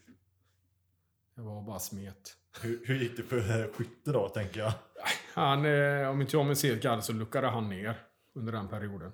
Eh, för det är ju inte, det är ju ingen bred grej utan det är ju en, en väldigt kort grej om man säger så. Som du kör igenom ganska fort. Ja, för jag, för jag tänker själv när man har stått uppluckad så eh, när man kommer lite närheten av lite såhär koängar och skit så brukar det finnas mycket flugor och, skit, och Oh sådär. Och det kan ju i sin tur vara lite obehagligt. Men jag tänker stora jävla gräshoppor måste ju vara Ja. som ett stenskott i pannan. Nej, jag hade aldrig den eh, möjligheten att få uppleva det, eh, som tur är. Men eh, jag ska kolla med nästa skytt. Se hur han tog det. Ja. Ehm, Men ja, till slut så är ju FS eh, 20 över. Ehm, Ni åker hem. Sen är du inte hemma jättelänge igen innan det Nej, blir dags igen. eh, Exakt. Vad gör du den perioden emellan och hur går tankarna? När jag kommer hem där så kände jag väl att nej, nej men man är klar. Börjar jobba lite hos en polare. eh, Hjälpa han lite. Eh, Och sen så ringer en gammal kollega från K3. En som umgås med än idag. Ringer och bara frågar du fan eh, vi har fått en vakans här eh, till 22 Vi behöver en HMG-skytt. Jag bara okej, när då? Ja, du skulle varit uppe i förrgår egentligen. Kom igen. Haka på nu. Jag bara, ja, varför inte? Så då bara packa ihop och, och, och, och jag åkte upp två dagar efter. Eller om det inte var dagen efter. Jag åkte upp jävligt fort i alla fall. Och då åkte vi upp till Livgardet för det var ju där K3 höll till då. då i och med att det var de som hade den missionen. Så att då var det bara en två veckor. Tre veckor tror jag låg där uppe. Sen åkte vi. Så det var väldigt eh, kort intensiv träning för mig. Det var typ bara att hämta ut vapen, utrustning och göra sig hemmastad i plutonen. Men jag kände ju de flesta av dem i plutonen. Eller många av dem. Och sen även grannplutonerna. För det var ju de jag hade jobbat med på K3. Ja, just det. Var ändå lite bekant. Ja, ja, ja. De flesta var kända. Så att det var inga konstigheter. Så visste inte vem de flesta var. Och du kände dig ändå så pass eh, fräsch i utbildningen och sådär eh, i och med att du varit där nere då? Ja, alltså det satt väl lite i ryggraden. Det var lite uppfräschningar som behövdes men eh, överlag så var det inga konstigheter. Så, det var det inte. Vad visste du om uppdraget som skulle komma då? För jag, jag vill minnas att du sa att eh, FS22 skilde sig lite från 1920 missionerna. Ja, det var, li det var ju lite lugnare. Vi var ju i Shebregan. Eh, var vi. Eh, mestadels. Eller vi var ju stationerade på Shebregan. och eh, sen så pendlade vi där och Saripol. Eh, pendlade vi emellan. För olika patrulleringar, och uppdrag och operationer och allt möjligt. Men vi låg på monitor i stort sett hela tiden. Och det var färdigbyggt och klart då? Eller? Ja, i stort sett kan man säga. Det var lite småfix då och då. Men annars, eh, annars eh, var det färdigt kan man säga. För eh, jag vill minnas att du sa att eh, det var lite mer eh, alltså, utbildning och träning av eh, ANA då? Alltså afghanska Ja, eh, det stämmer. Vi hade ju en lite mer eh, Eh, Ett annat... En annan agenda kan man säga då. Vi hade Afghan Lead som vi kallade det där. Och eh, då lät vi afghanerna åka först, eller ta täten då, så låg vi efter. Och eh, hamnade de i någon skit som de inte kunde lösa, så ja, då fick vi hjälpa till då. Eh, så att det var lite det. Och sen hade vi mycket ANSF på kampen också. Som kom dit och eh, som vi tränade. Eh, alltifrån gruppstrid till eh, plutonstrid, eh, närkamp, eh, vapenhantering, allt möjligt. Och det var faktiskt jävligt roligt. Får jag säga. Det var riktigt roligt var det. Och eh, de, de lärde sig mycket. Det gjorde de. Jävligt patriotiska. De vi hade var jävligt, patro- jävligt coola var de. Har varit med om mycket. De berättade en massa grejer. Eller rättare sagt, tolken berättade. för oss vad de sa då. För att de kunde ju knappt sitt egna språk höll på att säga, men det var ingen engelska där. Det var teckenspråk. Typ. Vad, eh, hur såg det då ut när, när ANA ledde eh, själva uppdragen? Alltså vad, om vi snackar lite så praktiskt, vad hade ni för avstånd till dem? Vad hade ni för eh, interaktioner med dem? Det var väldigt olika faktiskt, men vi höll ett hyfsat avstånd, gjorde vi väl. Och vad ska man säga? Eh, jag vet inte vilka mått man skulle kunna jämföra med, men i början så skulle man väl kunna säga att det var som en, eh, en grupp väringar, en pluton väringar, och sen blev bättre och bättre och bättre. Eh, men som sagt, det fanns mycket kvar att lära. Det. Var det... Kom de i mycket konflikt med lokalbefolkningen? Eller var de mer uppskattade då i och med att de var från... Både ja och nej. Eh, vissa av eh, ANSF skiter ju vilket. Eh, om man säger så. De, eh, de hade sin agenda, de hade sin framfart. De, eh, de gjorde lite som de ville, om man säger så. De, eh, de vill inte stå och diskutera, utan det är antingen eller.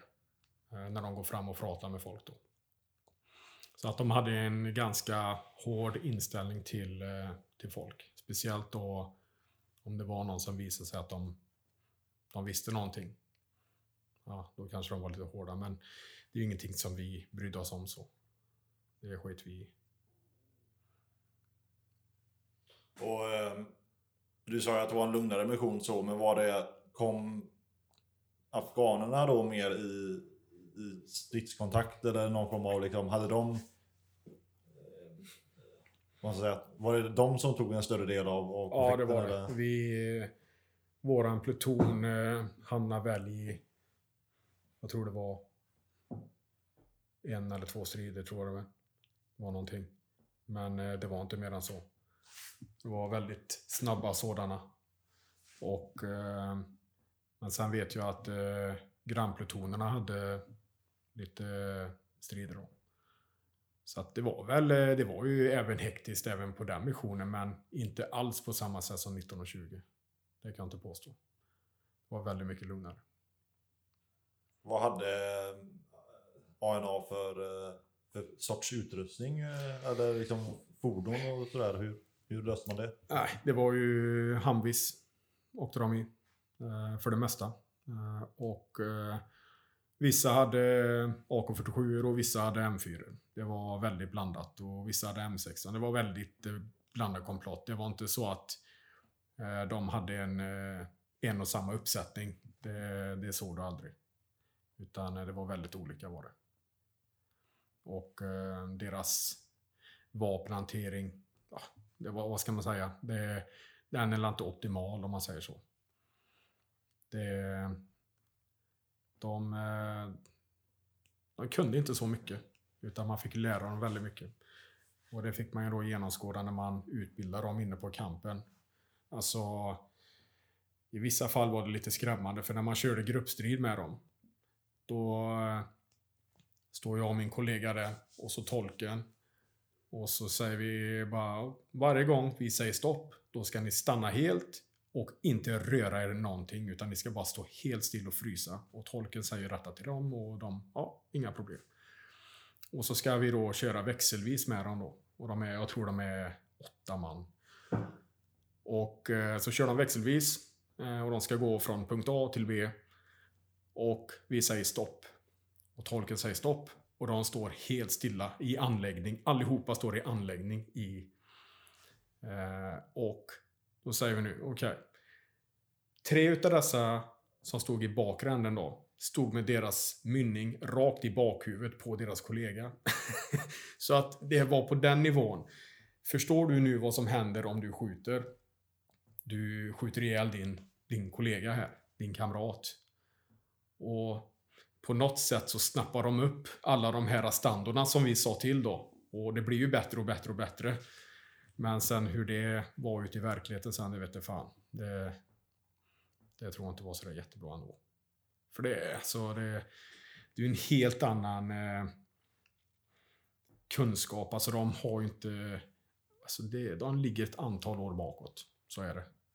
Det, det är svårt att, att ändra det. Ja, jag, jag har förstått det av många som jag pratat med som varit i just Afghanistan som haft någon form av utbildande roll. Just att det är, det är en annat mindset där. Ja. Eh, när det kommer just till ja, vapenhantering, till eh, det här riskmedvetandet och, och hela Ja, det. de har ju inte det. det. Det finns ingenting. Eh, De har ingen mynningsmedvetenhet, de har ingen... Alltså, skulle du sätta säkerhetsregler för dem, det hade de, alltså, de hade bara, va? Typ. Det har inte varit deras grej direkt att läsa på. Eh, hur såg, utöver då ANA, hur såg eh, samarbetet ut med andra nationer över de här tre missionerna som du var på? Eh, liksom hur nära jobbade man? Jag vet att du sa att ni fick transport och sådär då, såklart via Blackhawks och liknande, men jobbade man närmare med liksom avsluten trupp? Menar du om vi jobbade med amerikanerna? Ja, Eller- jänkarna eller britterna eller finnarna eller... Ja, finnarna gjorde vi lite grejer ihop med lite då och då. Eh, inte så mycket på 22an. Uh, gjorde vi. Det var bara amerikanerna vi gjorde mycket med. Eh, för på Monitor så låg ju deras uh, uh, Medivacs låg ju stationerade på Monitor också. Så att eh, deras sjukvårdshelikoptrar och allting låg ju där. Så att det var ju, jag vet inte hur många man de var, men de var där typ en, runt en fem, ja, 70, 70 man kanske, 70 till 100 man kanske. Cirka. Och så var det vi då. Hur många var ni på monitor? Vad fan var vi? Eh, det var väl fyra, det var ett, fyra, fyra plutoner, fyra, fem plutoner. Cirka. Jag kommer inte ihåg. Hur mycket umgicks ni när det var på kamp eller på monitor då liksom? Var det... Ja, nej, men vi hade ju samma gym. Eh, Så vi tränade ihop med amerikaner och de kunde gå in i mässen hos oss ibland och vi hälsade på dem ibland. Men vi hade ju samma matsal och allting så att det var vissa som jag faktiskt pratar med än idag. Via Facebook då, via sociala medier. Som, eh, så det, det var lite coolt faktiskt. Hur, hur var din upplevelse av, eh, av, liksom, av amerikanerna i det här fallet då? Är klockrena. Eh, hur bra som helst. Extremt givmilda, ödmjuka. Det var inga konstigheter för fem öre. Skitsköna gubbar. Verkligen. Hade de också varit, eller var också flera av de här då flermissionspersoner? Eller hur ut? ja, det var många som hade jättemycket erfarenheter. Eh, både från Irak och Afghanistan. Som vi pratade med. Så att det, nej, det var gedigna pojkar. En del av dem. Verkligen. Och eh, finnarna, var det några ni jobbade med? Eh, Det var ju en del på 19 och eh, 20 så var det ju mer samarbete med finnarna i och med att de bodde på CNL också. Mm. Ehm, Vad hade de för sorts förband eh, nere? Var det... ja, det har inte jag koll på exakt vad, vad de hade nere. Men det var alla vanliga skyttesoldater som vi var.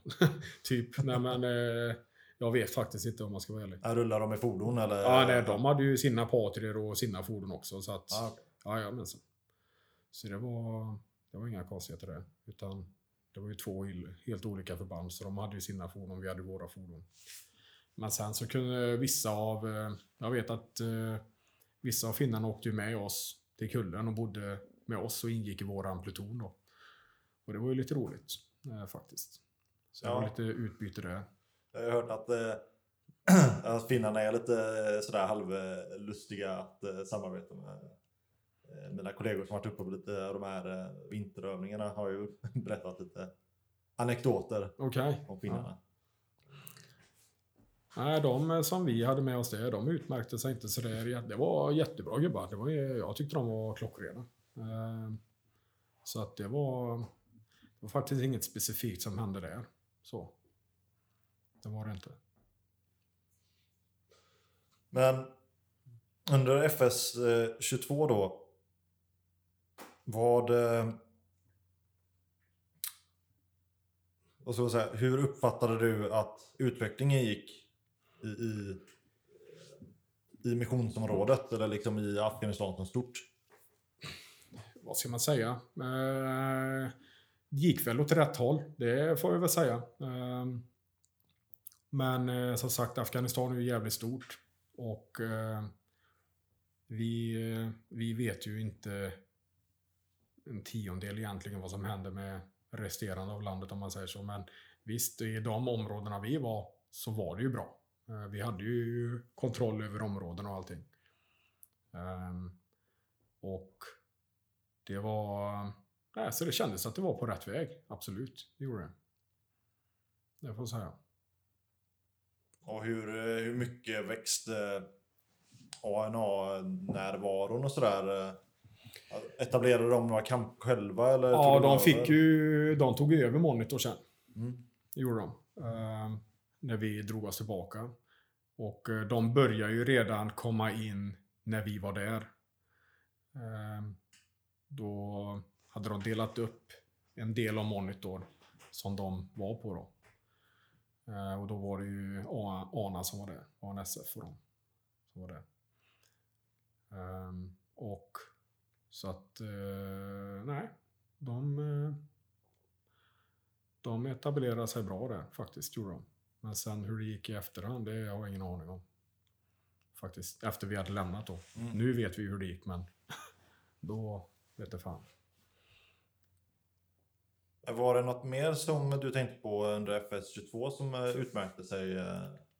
Alltså vi, det som var gött med 22an, det var att våran grupp då till exempel, eller vi, eh, våran pluton, eh, var ute och rullade en del, men våran grupp, eh, vi gillar att ut och rulla. Vi, vi drog ofta ner till Sarepol så här, och sen utgick därifrån våran grupp då och eh, åkte ut på lite olika sightseens, om man säger så.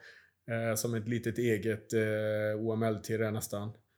Nej, Så det var jävligt roligt faktiskt. Så vi åkte ut och körde mycket patrulleringar gruppvis. Gjorde vi. Det var faktiskt jävligt roligt. Uh, var lite egna så. Men Man kunde röra sig så pass fritt. eh, Då. Ja, det kunde vi göra. Men vi hade ju hela tiden eh, ständig kontakt eh, med, eh, med eh, kollegor. Och sen så var det ju, vi åkte och hälsade på lite polisstationer. Lite ANA-camper och sånt där och checkade av läget. Och sen åkte vi tillbaka för i Sarepol då på det PO där så var det ju amerikanare där.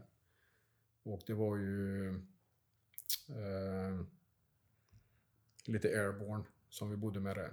Det var riktigt eh, bra gubbar var det. Så att eh, och sen eh, får jag säga, vi hade ju en, vi åkte ut med plutonen och så åkte vi till en amerikansk kamp. Jag kommer inte ihåg exakt vart det var faktiskt. Men det var en bit ut i öknen där. Och eh, så då bara, men stanna kvar på lite käk. Och amerikanerna och deras käk, det är ju alltid bra kan man säga. Och vi fick såna jävla friterade kycklingfilé. Alltså det var så jävla gott va. Så vi kom ju dit och bara nästan äter dem i huset. så att det var, ja, det var jävligt bra var det. Och sen var det ju extremt roligt att komma till Marmal ibland för att det var ju amerikanska kamp, eller kampen på Marmal var ju grymt stor. Var det. Och amerikanernas matsal där var ju helt fenomenal. Alltså du kunde få allt ifrån tårtor eh, av alla möjliga slag till godis, eh, glass, eh, drycker Gatorade, alltså vad du ville. Det fanns det. Pizza. De hade till och med Burger King inne på campen. Så att eh, man kunde äta upp sig, kunde man göra. Ja, och pengar var väl kanske inte ett eh, jätteproblem då. eh. Nej, eh, det var det väl inte. Det kan jag inte påstå. Eh, och sen så var det faktiskt också en rätt rolig grej som vi hade. Vi var nere i Naimandan, om inte jag minns helt galet i ett bergsområde. Och eh, då var vi ute med eh, ANSF. Som eh, ledde hela konvojen då. Och i och med att jag har ett förflutet som armbrytare då, så har jag på och tävlat i det i många, många herrans år. Så hade jag anmält mig till en internationell tävling på Marmal. Och den eh, olyckligtvis så infinner den sig den samma dag som vi var på den operationen då i Naimandan med eh, ANSF. Och de hamnar naturligtvis i en liten strid längre fram och vi är ju längst bak, våran grupp. Vi bara, men vi kan ju inte göra någonting här ändå. Typ så att eh, Fan kan vi dra till Marmal eller? Typ. så att eh, jag kan vara med på tävlingen. Så efter lite om och men så kunde vi dra då. Så våran grupp drog iväg till Marmal. Typ två och en halv timmars bilfärd. Eh, om jag inte minns helt galet. Och sen kommer vi in på Marmal, går in på den mässen där så är armbrytartävlingen där. Och det är ju alla möjliga nationer. Alltifrån danskar, amerikanare, tyskar, eh, ja, you name it, norrmän. Eh, så går jag fram till han som arrangerar allting och så bara frågar är, det viktklasser eller hur har ni det? sig? Ja, det är två viktklasser. Är det. det är en minus 90 och så en plus 90. Då. Jag bara okej. Okay. Får vinnaren i minus 90 möta han i plus 90 eller? Så att, och då har du tänkt att vinna eller? Ja, nej men jag vinner sa jag bara. Det är klart jag gör det. Och han bara skrattade. Så att, eh, men vi börjar tävlingen i alla fall. Och mina kollegor står ju där. Och det är, ett, det är rätt mycket folk där inne så här. Och eh, första gubben då, nej det är inga konstigheter. Jag vinner de första matcherna. Och sen är det en gubbe som kommer in och säger att jag är vänsterhänt för att köra i vänster istället. Ja visst, det är inga problem. Så att eh, jag greppar vänster när jag är med, så det är inga konstigheter. Så jag vinner min viktklass och sen är det en stor jävla dansk på typ 140 pannor eller någonting.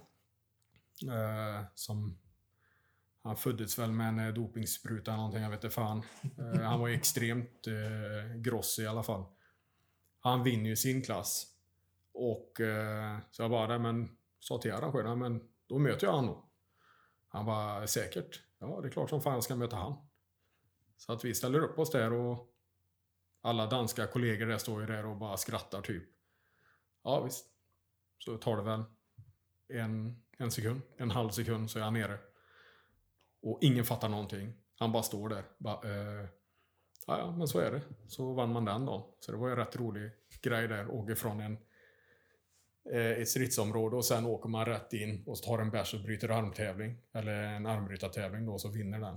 Så sover man över där då och sen åker man tillbaka till, till eh, Chambregan då efteråt, dagen efter. Så det var lite coolt faktiskt. Det var ju den viktigaste striden också, svenskarna eh, mot danskarna där. liksom. Exakt, det väldigt- får man fan inte förlora. Nej. Jag kan inte förlora mot en dansk. du.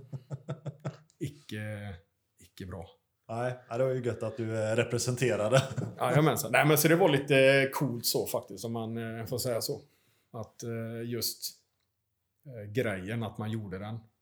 Att man åkte en sån, sån bit ifrån, som sagt, den striden där och så åker man iväg och så kör en armbrytartävling och sen bara för att. Det var lite coolt. Ja, det, är, det är ju, låter ju väldigt eh, intressant att kunna röra sig så pass fritt ändå också. Att man inte är så bun- bunden på det, på det sätt som vissa, vissa har berättat att de är. Liksom. Att man då kan Exakt. bestämma lite själv. Nej, det var... Men som sagt. eh, K3s gubbar, är- det är, det är bra folk. är Det Det är riktigt bra folk. är det. Så att eh, man litar på dem till 100% så att man skulle aldrig... Det, det var inga konstigheter. Det var bra folk. Eh, men jag tänker sen, för detta blir ju din sista mission eh, efter Ja. 22. Eh, var det så att du försökte komma iväg eh, igen efter 22an eller kände du då att det var... Nej, för att efter 22an, eh, det kan jag ju säga också att det var ju redan i början på 22an så kände jag ju av ryggen. Något kopiöst mycket. Uh, och i och med att jag var takskytt så var det väldigt mycket klättra upp på taket och, och fixa med HMG och allting. Så att min rygg blev värre och värre under den tiden som var det. Och uh, jag hade jävligt ont faktiskt i slutet av den missionen. Och jag glömmer aldrig för vi landar på K3. Vi flyger och så landar vi på K3s flyg, flygfält. Och eh, jag kommer ihåg, jag sitter eh, i stolen där på planet och jag kan inte resa mig. Benen bara domnat bort på mig. Totalt domnat bort. Och det var ju där det började, allting. Eh, sen gick det fan bara utför efter det. Så att eh, det har varit eh, mycket svängar med eh, försvaret och få hjälp och allting efter det. Så att det var... Då kunde jag faktiskt inte åka tillbaka. För att jag kände att det hade inte varit bra och det hade inte varit rättvist för, för dem jag skulle åka med. Ehm, och var lite halvt om halvt handikappad där. Och det, det var det som satte stopp. Men vad var det för, vad var det för skada som konstaterades? Eller när... Nej. Det var ju en typ av kompressionsskada och eh, mitt bäcken var ju helt vridet. Och eh, jag var ju tvungen att gå på behandling ständigt för att, för att det inte skulle gå tillbaka om man säger så. Och eh, jag hade ju... Ibland så kunde jag vakna på nätterna och allting var bara bortdomnat. Så att det var på den nivån så att jag var... Det var faktiskt jävligt eh, creepy faktiskt. Eh, under en period där. Och sen eh, satt jag i fel ställning, eh, då domnade allting bort. Och eh, nej, det var inte alls roligt. Eh, så att det var en liten pers där med, kan man säga. Så att det var mycket vänder till, till rehab och osteopater, massörer, kiropraktorer och allt möjligt, röntgen, allt möjligt. Men man fick ju stå för allting själv. Jag vet inte, vad, vad blev det för stöd från Försvarsmakten? För detta var ju en väldigt tydlig skada i, i tjänst, tänker jag. Grejen är så att jag, vad de erkände själva, det var att jag ramlade mellan stolarna. För att eh, de här eh, så kallade psykologsamtalen som man hade när man kom hem, vad var de, en kvart? Mår ni bra? Typ. Ja, okej, typ. Nej, men det, i stora hela så var det så. Det var, det var inte alls avancerade grejer. Eh, och eh, sen vet jag inte om eh, hur rapporteringen ifrån CNL hade varit till läkarna här hemma. Eh, Den har ju tydligen inte varit befintlig i alla fall för att det saknades uppgifter. Och eh, så att man blir, man ramlade mellan stolarna helt enkelt. Så att jag tog ju kontakt med eh, en läkare på regementet i Skövde och fick åka dit och prata med han. Och han gjorde en undersökning och där började remisserna då till andra ställen. Och eh, även till eh, handläggare på HR. Som... Eh, ja, vissa var väl till hjälp och vissa var väl inte till hjälp, om man säger så då. det, var, det var krångligt för att det var jag som fick göra allt jobb. Allt pappersarbete, allting, telefonsamtal, det var jag som fick göra. Det fick man ju inte hjälp med.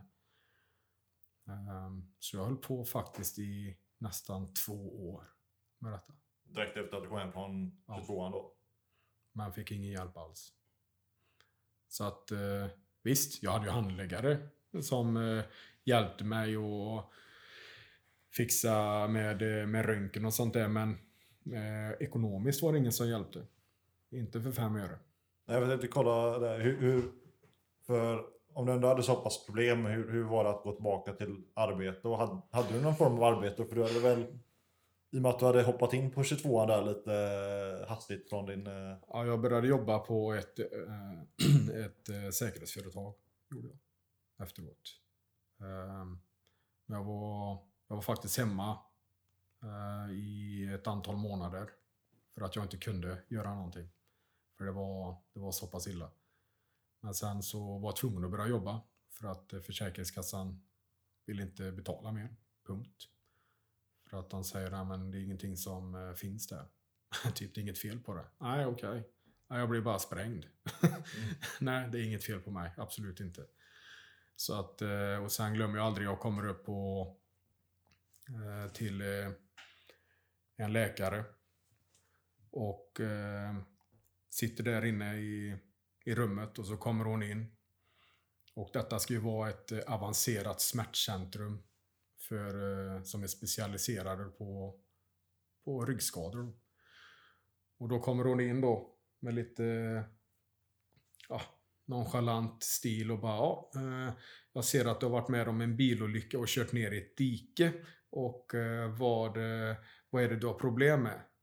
Jag bara ursäkta, vad fan menar du? Vadå bilolycka, kört ner i ett dike? Vad fan har du för jävla journal? Så jag blev så jävla förbannad så att jag bara gick därifrån. Jag bara, jag vill inte ha med henne att göra. För kommer det in någon som inte läst en journal ens en gång, då är det inget bra tecken på att det är en bra läkare heller. Så att jag krävde en ny. Och då fick jag en ny läkare och eh, han hade faktiskt läst journalen. Och läste att eh, bilen inte rullade ner utan Exakt, den, man eh, hade inte kört ner i diket och det var ingen bilolycka utan... Eh, det, nej, men så att det, har, det har varit en jävligt svängig väg. Man har inte blivit eh, tagen på allvar för fem år. Eh, sen så fick man ju... Eller blev man ju då nämnd till att eh, få medaljen för svårare strid på veterandagen i Stockholm. Vilket som var extremt coolt, grymt eh, på alla sätt. Eh, men det läker ju inte heller mina skador. hur, hur långt efter var det från att du kom hem? Åh herregud. Vad fan är det? Vad kan det ha varit? Tre och ett halvt år eller någonting? Efter du kom hem från 22an? Ja. Så det är typ fem år efter... Efter... Eh, vad blir det då? Ja, fyra kanske. ja, Något sånt. det är så pass period. Jajamän. Så att eh, man har fått ligga ute med en hel del sparpengar själv. För detta. Men hur funkar det idag för dig? För, att, eh, för jag tänker också att om, om det ändå blir erkänt som en, en, en eh, skada i sårade stil och så vidare. Blir inte det också ett erkännande att Försvarsmakten ska ta någon form av ansvar då för... Man tycker ju det. Ja, Men det har inte hänt någonting än. Så att... Eh, vem vet? Det kanske ringer någon någon dag. Jag har ingen aning. Nej, men det är jävligt tråkigt faktiskt. Att man har fått stått för allting själv. Eh, HR, jag tror de fixade så att jag fick sex tillfällen av eh, behandling eh, av eh, osteopat och massage. Sex behandlingar. Det var vad det de stod för i stora hela. Så här resten av behandlingen fick jag stå för själv och hur, hur skulle du säga att det, alltså själva skadan ter sig idag? Har du lyckats träna bort det eller är det att du har lyckats anpassa dig utefter? Jag, jag går... Eh, jag, man kan ju säga att man har kronisk smärta. Absolut. Eh, man har lärt sig att leva med den. Men eh, som sagt, gör man mycket trädgårdsarbete eller någonting här med huset eller man grejar med någonting, eh, bygger altan eller whatsoever. Då känner man av dagen efter, punkt. Det gör man. Det, det är inget snack. Eh, då, då är man um. Riktigt um. Och då har det ju gått över den här smärttröskeln. Så egentligen då Innan så hade jag förmodligen haft extremt jävla ont. Men eh, nu blir det ju ändå att det är en sak jag lever med. Det, det är bara att bita ihop. Vad fan. Det finns de som har det värre. Om man säger så. Så att det är bara att kötta, bita ihop och göra det bästa av saken. Det är inte mycket man kan påverka nu ändå. Det har gått så länge så att eh, jag vet. Det kommer nog aldrig gå över. Det kan jag aldrig tänka mig. Om det inte kommer någon magisk metod som tar bort allt sånt här, men det tror jag knappast. Ja, men det känns ändå som att du har eh, lyckats överkomma den, eh, vad ska man säga, största svårigheten i, i, i detta då. Absolut, och det var ju absolut, det har jag gjort. Och det, det är ju tack vare att man har haft extremt bra vänner och allting som har stöttat allting. Så att det var under den perioden. Det var ju jävligt gött att ha det, kan man säga. För det hade inte varit roligt att stå där själv med allting. Ekonomiskt gjorde man det, men supporten från vänner och familj och sånt, den fanns ju där. Hur bra kontakt har du med, ja nu vet ju Niklas självfallet om, men hur, hur bra kontakt har du med, eh, med dem du har varit nere i Afghanistan med? Eh, de i min pluton har jag faktiskt eh, hyfsat bra kontakt med. Inte alla då, men, men eh, vi har lite träffar då och då årligen. Vi ska iväg på en träff nästa år, faktiskt uppe på K3.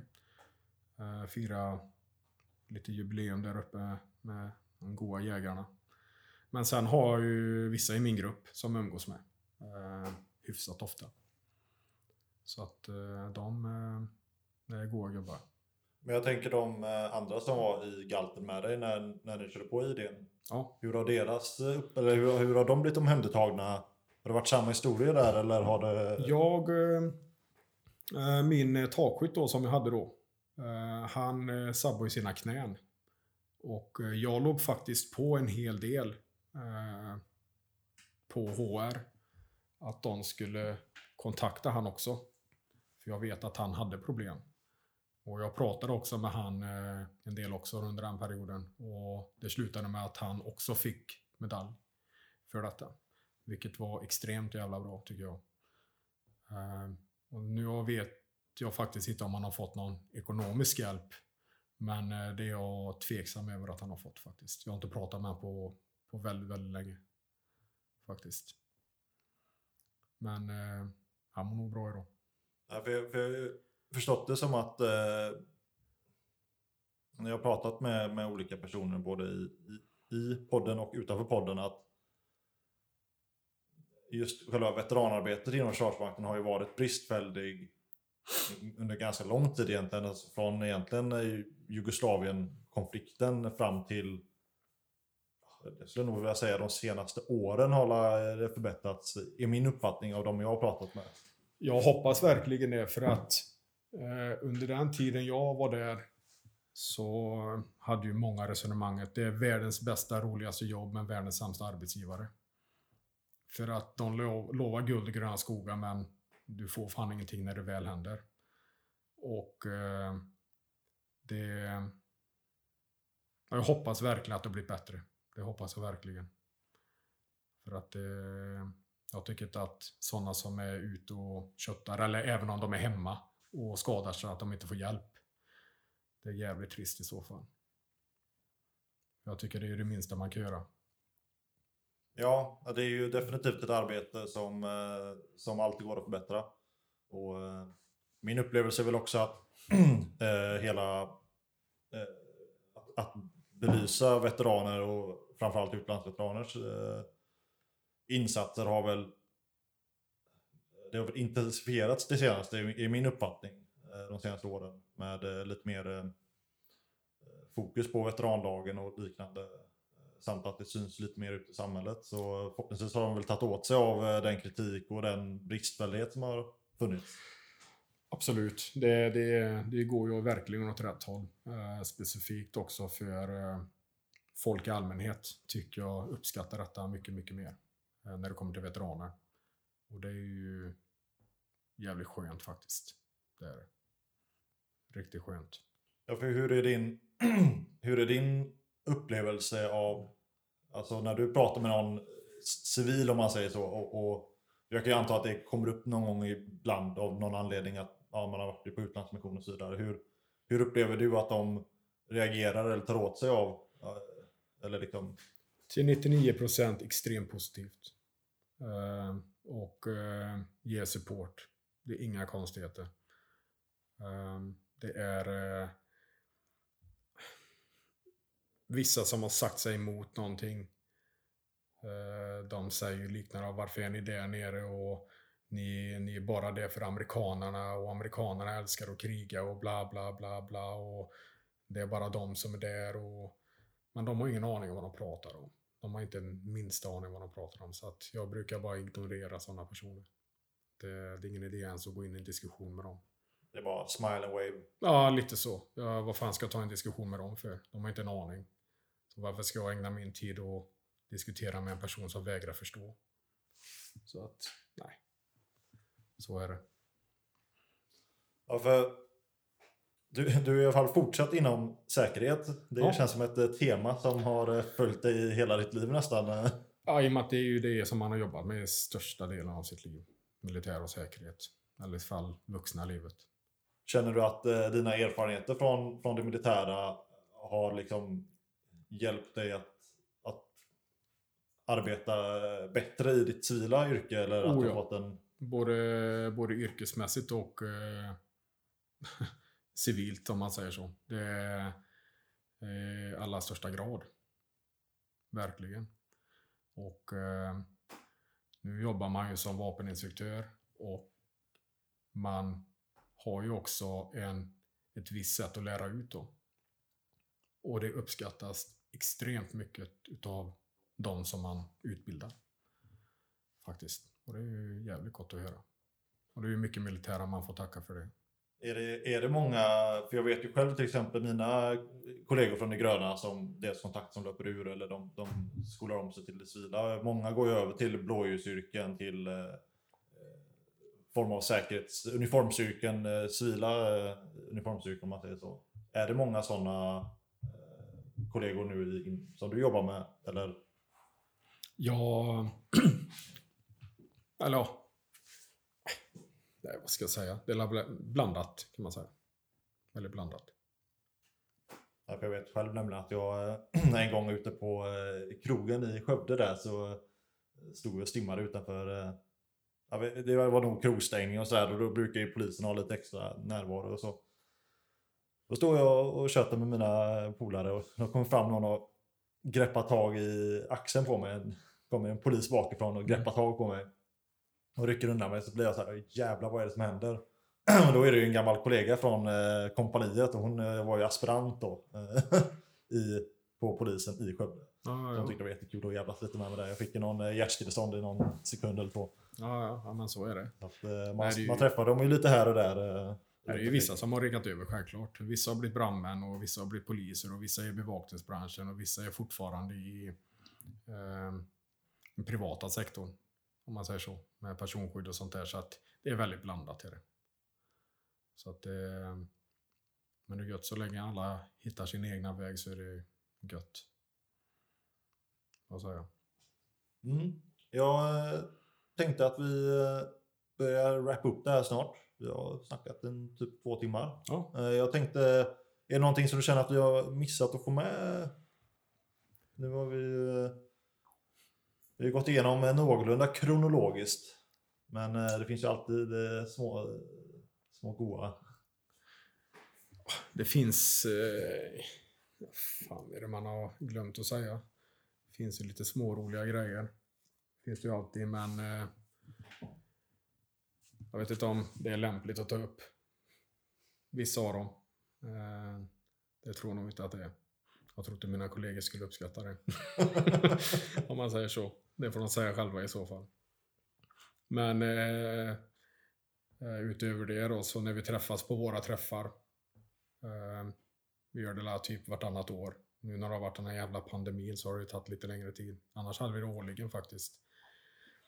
Och det är ju riktig jävla grisfest. Det är ju riktigt grymt. Där. det. är bara grilla, bärs, sprit typ. Och så är man ute i en stuga ute i skogen och så är det... Ja, det är, det är drömmen är det. Man får köta av sig lite och det, är- det är fan bra skit är det. Ja, riktigt jävla härj alltså. Ja, nej, men det, det är gott är det. Och det tjötas en hel del. Och det är sådana stunder som behövs då då. Ja, känns det som att det är, måste man säga, som en egen form av avlastning nästan då? Att man har den eh, ventilen? Eh, Ja. Jag kan faktiskt säga att jag var uppe på, när vi var i Villingsberg på Rifle-VM. Mm. Eh, och eh, då i den eh, byggnaden jag bodde. Vi var ju där uppe i en och en halv vecka ungefär. Och så var det en kille där inne. Jävligt skön snubbe. Och vi bara tjötar allmänt så här och det var inte mer med det. Och det är lite det du var inne på förut i början. Och så sitter vi där. Tar varsin bärs in i det lilla tv-rummet som var där i den här byggnaden. Och så kommer han in med en t-shirt som det står FF20 på. Jag bara, vad fan? Eh, var du på FF20? Ja. Vad fan, det var jag med. Och han bara, men eh, var fan låg du då? Ja, jag var på, på ehm, um, CNL. Ja, då var det han som låg på monitor och så var jag i Sarepol. Och jag bara, ja, vad fan. Och då snackade vi massa grejer som vi var medvetna om vad, vad som hade hänt. Och så att man satt ju där och skrattade och fick gåshud samtidigt för att vi visste exakt vad vi pratade om. Det kändes så jävla skönt att bara prata med en gubbe som hade gjort exakt samma saker. Som man bara spontant träffade så. Ehm, och han jobbade också, han jobbade på, eh, som polis nere i Malmö, tror jag det var. Och det var riktigt, eh, en riktigt skön snubbe. Det var, det var en eh, härlig kväll. Sitta där och dra ett par pilsner och bara köta sån skit. Det var gamla minnen. Nej, det var... Man får nästan gåshud när man pratar om det nu. Men det är riktigt roligt faktiskt. Spontant bara träffa någon som har varit på exakt samma grej som en annan. Fast vi bodde på olika kamper. Ja, och precis som eh, på ingressen där så vet man ju inte vem, vem runt omkring en som är eh, Exakt. utlandsveteran. Exakt. Eh, och vad, vad de bär med sig. Så det kan vara något att ta med sig. Att eh, det kan finnas. Det kan finnas eh, intressanta historier att höra. Så är det. Men eh, då skulle jag vilja tacka dig Morgan för att du ville vara med och medverka idag. Ja, ja, tackar så jättemycket att jag fick vara med. Ja, det är ju som sagt lite tack vare dig som hela den här cirkusen har dragit igång. Ja, det är ditt jobb, så att det är inga konstigheter. Så får vi köra någon liten sektion på skjutbanan här snart. Det tycker jag verkligen. Behöver sotas ur vapnen. Jajamän. Ja, men tack så mycket så eh, hörs vi av eh, framöver. Det gör vi. Ha Ja. det gott. Och med det så vill jag tacka Morgan för hans insats. Jag vill eh, passa på att tacka alla som varit med i den här podden för deras eh, insatser. Och för att de vill vara med och eh, dela med sig av de här berättelserna i denna podd.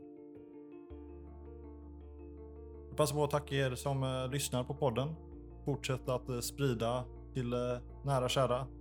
Fortsätta sprida i sociala medier så att ännu fler kan få höra om alla de här hjälteråden, hjältedåden, om de här berättelserna. Vill du eh, komma i kontakt med podden så eh, kan man skicka ett mail till info tackfordininsats.se. Det går även bra i sociala medier. Facebook tack för din insats podcast samt eh, Instagram att tack för din insats. Känner du någon som eh, du tror har varit intressant eller vill vara med i podden, gör detsamma. Hör av er via mail eller via sociala medier. Så att vi kan få höra fler intressanta, spännande och gripande berättelser här i podden. Tack för att ni har lyssnat. Klart slut.